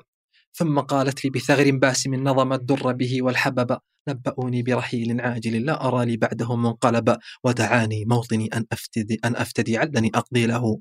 ما وجب نذبح الدب ونفري جلده. ويظن الدب ألا يغلب. وفعلا انتصرت الإمبراطورية اليابانية على روسيا في هذيك الحرب يعني نعم. هذه مثل هذا هذا دور الشاعر. لا بقول لك بقول لك حاجة. عندنا الشيبان يقولون هذا يوم تقول يقولون هذا يوم تقول. الحين إذا قاعد يسولف كذا مثلا وخلاص يعني أنا أبغى أطلع من السالفة يعني عرفت؟ قال في يوم تقول بس ما قلت شيء. وأنت ما قلت شيء اطلاقا أنت ساكت فهذا يوم تقول. والله ما قلت شيء. فهذا أنت طرقنا يعني ال- الحديث عن الشعر والأدب والمزاج. يعني أتكلم أنا خلاص أنا أبى أتكلم اليوم أتكلم عن كذا. و لا بقعد شهر ما بتكلم بقعد اتكلمين ورا بعض فطبيعتي صراحة الأدب يكون في فوضى كذا لا يكون في انتظام لا يكون منتظما يعني. إلا في شيء انتظام آه، تنتظم فيه أنت إنك ما تصور له في السيارة وبالنظاره ف نشوف لك مكان ثاني. والله شوف أنا تدري كنت اصور زمان؟ والله يجيك تصوير ما لك به. كنت في رمضان أذكر كنت في رمضان. بعد الفجر شاشة سوداء خلفية سوداء وأتكلم. آه تصور ال- الأرض. آه كنا سناب يا الامهات ولد يمرض القلب. والله ما أدري كيف كان الناس كانوا يتحملوني قسما بالله العظيم. ما أدري كيف كانوا يتحملون الرجال حتى ضحك. ترى ليه ما الحين. يتحملونك ليه يعني ما فرق؟ هو يا ولد كنا اذاعه لا وأتكلم ثم إنه ذهب وكذا ومطه الكلام مط يمرض القلب. المهم. جيت يوم اسمع جيت يوم ورحت الجبيل إيه. ورايح الجبيل ما أدري إيش بيظهر كذا ولابس النظارة الشمسية وأنا رايح الجبيل ويا ولد قلت بسولف سولفت عن قصة كل ابو الاسد الدولي كان بخيل ولا قصة معروفه واقولها والله بدون تحضير البدايات كانت بدون تحضير اطلاقا ولا حضر ولا حرف وأتكلم. المهم يا ولد وشفت تفاعل طيب والسيارة وكذا وصوت صورة يعني. وحتى أذكر يعني أنا يعني بعد التحية من هنا أسمع عبد الرحمن الثابتي صديق عزيزي وأخوانه شعراء زهير الثابتي سلطان الثابتي آه، عبد الرحمن الثابتي كان عنده متابعين كثر انستغرام ونزل حسابي وقال آه، سوالفه كويسة وكذا. انبسطت بدا يجيني ناس وكذا وناس شعراء معروف. المهم يا ولد وبديت خلاص صرت كل يومين ثلاثة أطلع أشغل موتور بسم الله. على طريق الجبيل كان في شمس هناك موضوعها كويس عشان تعطيني إضاءة. والله الإضاءة كانت أنا عندي لها دور وكنت أروح على طريق العزيزيه عندنا الهاف مول. إيه. كانت هناك إضاءة أفضل بعد من طريق الجبيل أيوه. المهم وكنت وكنت آخذ التصوير. المهم وحبه حبه حبه حبه هي لين وقتها ما حد ما حد كان يقول لي ابعد النظارة لأنها دوب البدايات أنا عجبني ال character. قلت والله زين في السيارة كل شيء وخلاص. بعدين أنا أحب أتكلم أنا إذا بحضر حتى الآن عن شيء أقعد في السيارة. مم. سبحان الله كذا يعني. فأنا عجبني الموضوع ذا وخلاص ما عاد أنا قلت ما عاد بطلع. جيت شريت ال- ال stand ذا اللي فيه إضاءة وفيه جوال. آه. شريته. ما زالك قلت بشتريه وسويت تصويت عندي في ال Snap قال- قالوا الله يجي لك طلع علي شك وصورت أذكر. أذكر قد صورت فيه يمكن حول 10 دقائق فأمسحها كلها. والله ما تقعد. والله. حتى رحت عند محل جوالات قلت ترى يمكن ارجعه ورجعت اليوم الثاني ورحت شريت السيلفي عصا السيلفي فيها. بلوتوث كل شيء حلو أشوف والله معي إلى الحين. واليوم أقول بصور فيها بصور فيها. إلى ذا الحين ما قد يعني. يمكن عدى أصور في البيت يعني. أرتاح ترى الشمس ذبحتني والله. والله ما لو بعد بقول لك شيء وش الموت؟ أنتظر غروب الشمس تغرب الشمس لأن خلاص بي- بيوقف الكلام. إيه. والله العظيم يا أذكر في سنابات. أذكر في سنابات أنت تكلمت عنها قبل شيء. سنابات معي قد تكلمت عنها واحد فيها. إيه. الشمس بتغرب. أقول يا ساتر يا ساتر بتغرب بتغرب بتغرب. والله إني طمرت كلام كثير. عشان لا تغرب الشمس. طيب لو كنت في البيت ما كان كان الشمس ما في لا شمس ولا شيء. فانا محكوم بالشمس. محكوم بغروب الشمس أنا. يعني آه، مثلي وش يعني. أقول مثلي وشعب النون اللهم إنها مأمورة ماموره الله ما فاحبسها علي. أنا مأمورة. إيوه ولكني ما بدخل الأرض المقدسة. فلذلك ما يعني أنا أنا أنا أنا أعاني من الشمس ومن ومن أصوات الأصوات ترى في اصوات بعض الأحيان يعني في الصيف مم. صوت المكيف آه طفي؟ اطفيه حتى اصور وهي شغلت رحت ولعت المكيف بهذله يا أخي. شيء شيء مذهل يا شيء متعب أنا لي أنا يعني. صراحة شيء متعب. بتعرق و... والله يجيرك على طول راح اودش اذا رجعت ثلاث سلامات دعوة. والله يجتهد يعني والله. في أحد تابعك وصرت آه، تقلق في آه، كيف ت- مم. كيف تنشر حساب آه، سناباتك؟ في المواضيع ولا في في المواضيع. والله شوف أنا أنا بعد ما تابعني الوالد يعني الوالد الله يحفظه عمره كبير في السن. وهو ما كان يعرف سالفة السناب فبلغ من الجماعة وكذا إنه السنابات وان فلان قال فيه كذا. فقال حملوا لي السناب أشوف الولد فعلا فصرت أنا افرمل كثير من الكلام يعني؟ وصدق يعني بعض الكلام أقول. يعني حتى الوالد الله يحفظه عنده ملاحظات أنت قلت كذا ما ينبغي إنك تقول زي كذا يعني. زي إيش يعني؟ ما بقول لك. يعني ملاحظات بشكل عام يعني سواء في الموضوع اللي اتكلم عنه أو في الشكل أو. يعني عرفت؟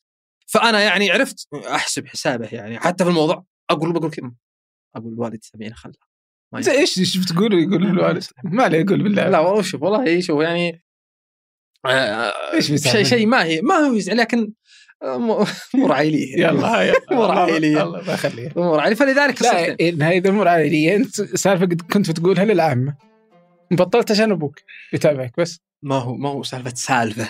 مو سالفة سالفة. آه. أنا إن شاء الله إني ما أتكلم الشيء اللي يرضي أنا أتكلم في بعض السوالف أبغى أنا أحط فيها حاجات. كذا. الوالد له تقدير لبعض الأمور. إنك يعني أنت يعني لا تجي. نقاط معينه طيب أنا أحس إنه ودي نقفل الحلقة عشان أبغى أعرف إيش السالفة. ماني بقدر والله. خلاص يعطيك العافية. الله يعافيك. شكرا جزيلا. العفو يا حبيبي الحين تقدر تقول لي؟ بعدك بس ودي أسأل عن رأيك هذا فيه آه، واحد من أنواع الفنون الأدائية. خل خلينا جواب حلو يمكن هذا آه، في واحد من أنواع الفنون الأدائية. تمام آه، أنا أحبه اتابعه ويؤدى أحيانا بالفصحى. يعني آه، فيقولون هو شعر. بعضهم يقولون إنه مو شعر. آه، اللي هو الراب. الراب. الراب هو من من الكلام اللي قلنا من السجع. في بعض السجع جميل بالمناسبة. الراب. أنا والله بعض الحين الواحد يقول نستي يبدي بعض أراء. أذكر قصيدة راب طلعت مؤخرا جبت فيها والله كلمات جميلة. وفيها سجع. وفيها جميل فيها سجع. يغلب عليها السجع لكن ما تقدر تقول عنها قصيدة هي نفس اللي تحدثنا عنها ترى. الشعر الحر هي الراب هذا؟ وإنما هي بلحن معين هو يقولها مغني الراب. وإنما هي من السجع يعني. ال ال ال أنا أشوف فيه موسيقى جميلة. الراب. أنا أستلذ في بعضها يعني بالامانه اغاني بعض أغاني الراب يعني. نعم فهذه شكرا لك شكرا لكم شكرا لصالح بسلامة خلف الكاميرات. آه وفاء سليمان في آه الإعداد. وفي الهندسة الصوتية محمد الحسن في الاشراف على فنجان سحر سليمان. هذا فنجان أحد منتجات شركة ثمانية للنشر والتوزيع. ننشر كل الإنتاج بحب من مدينة الرياض. الأسبوع المقبل ألقاكم.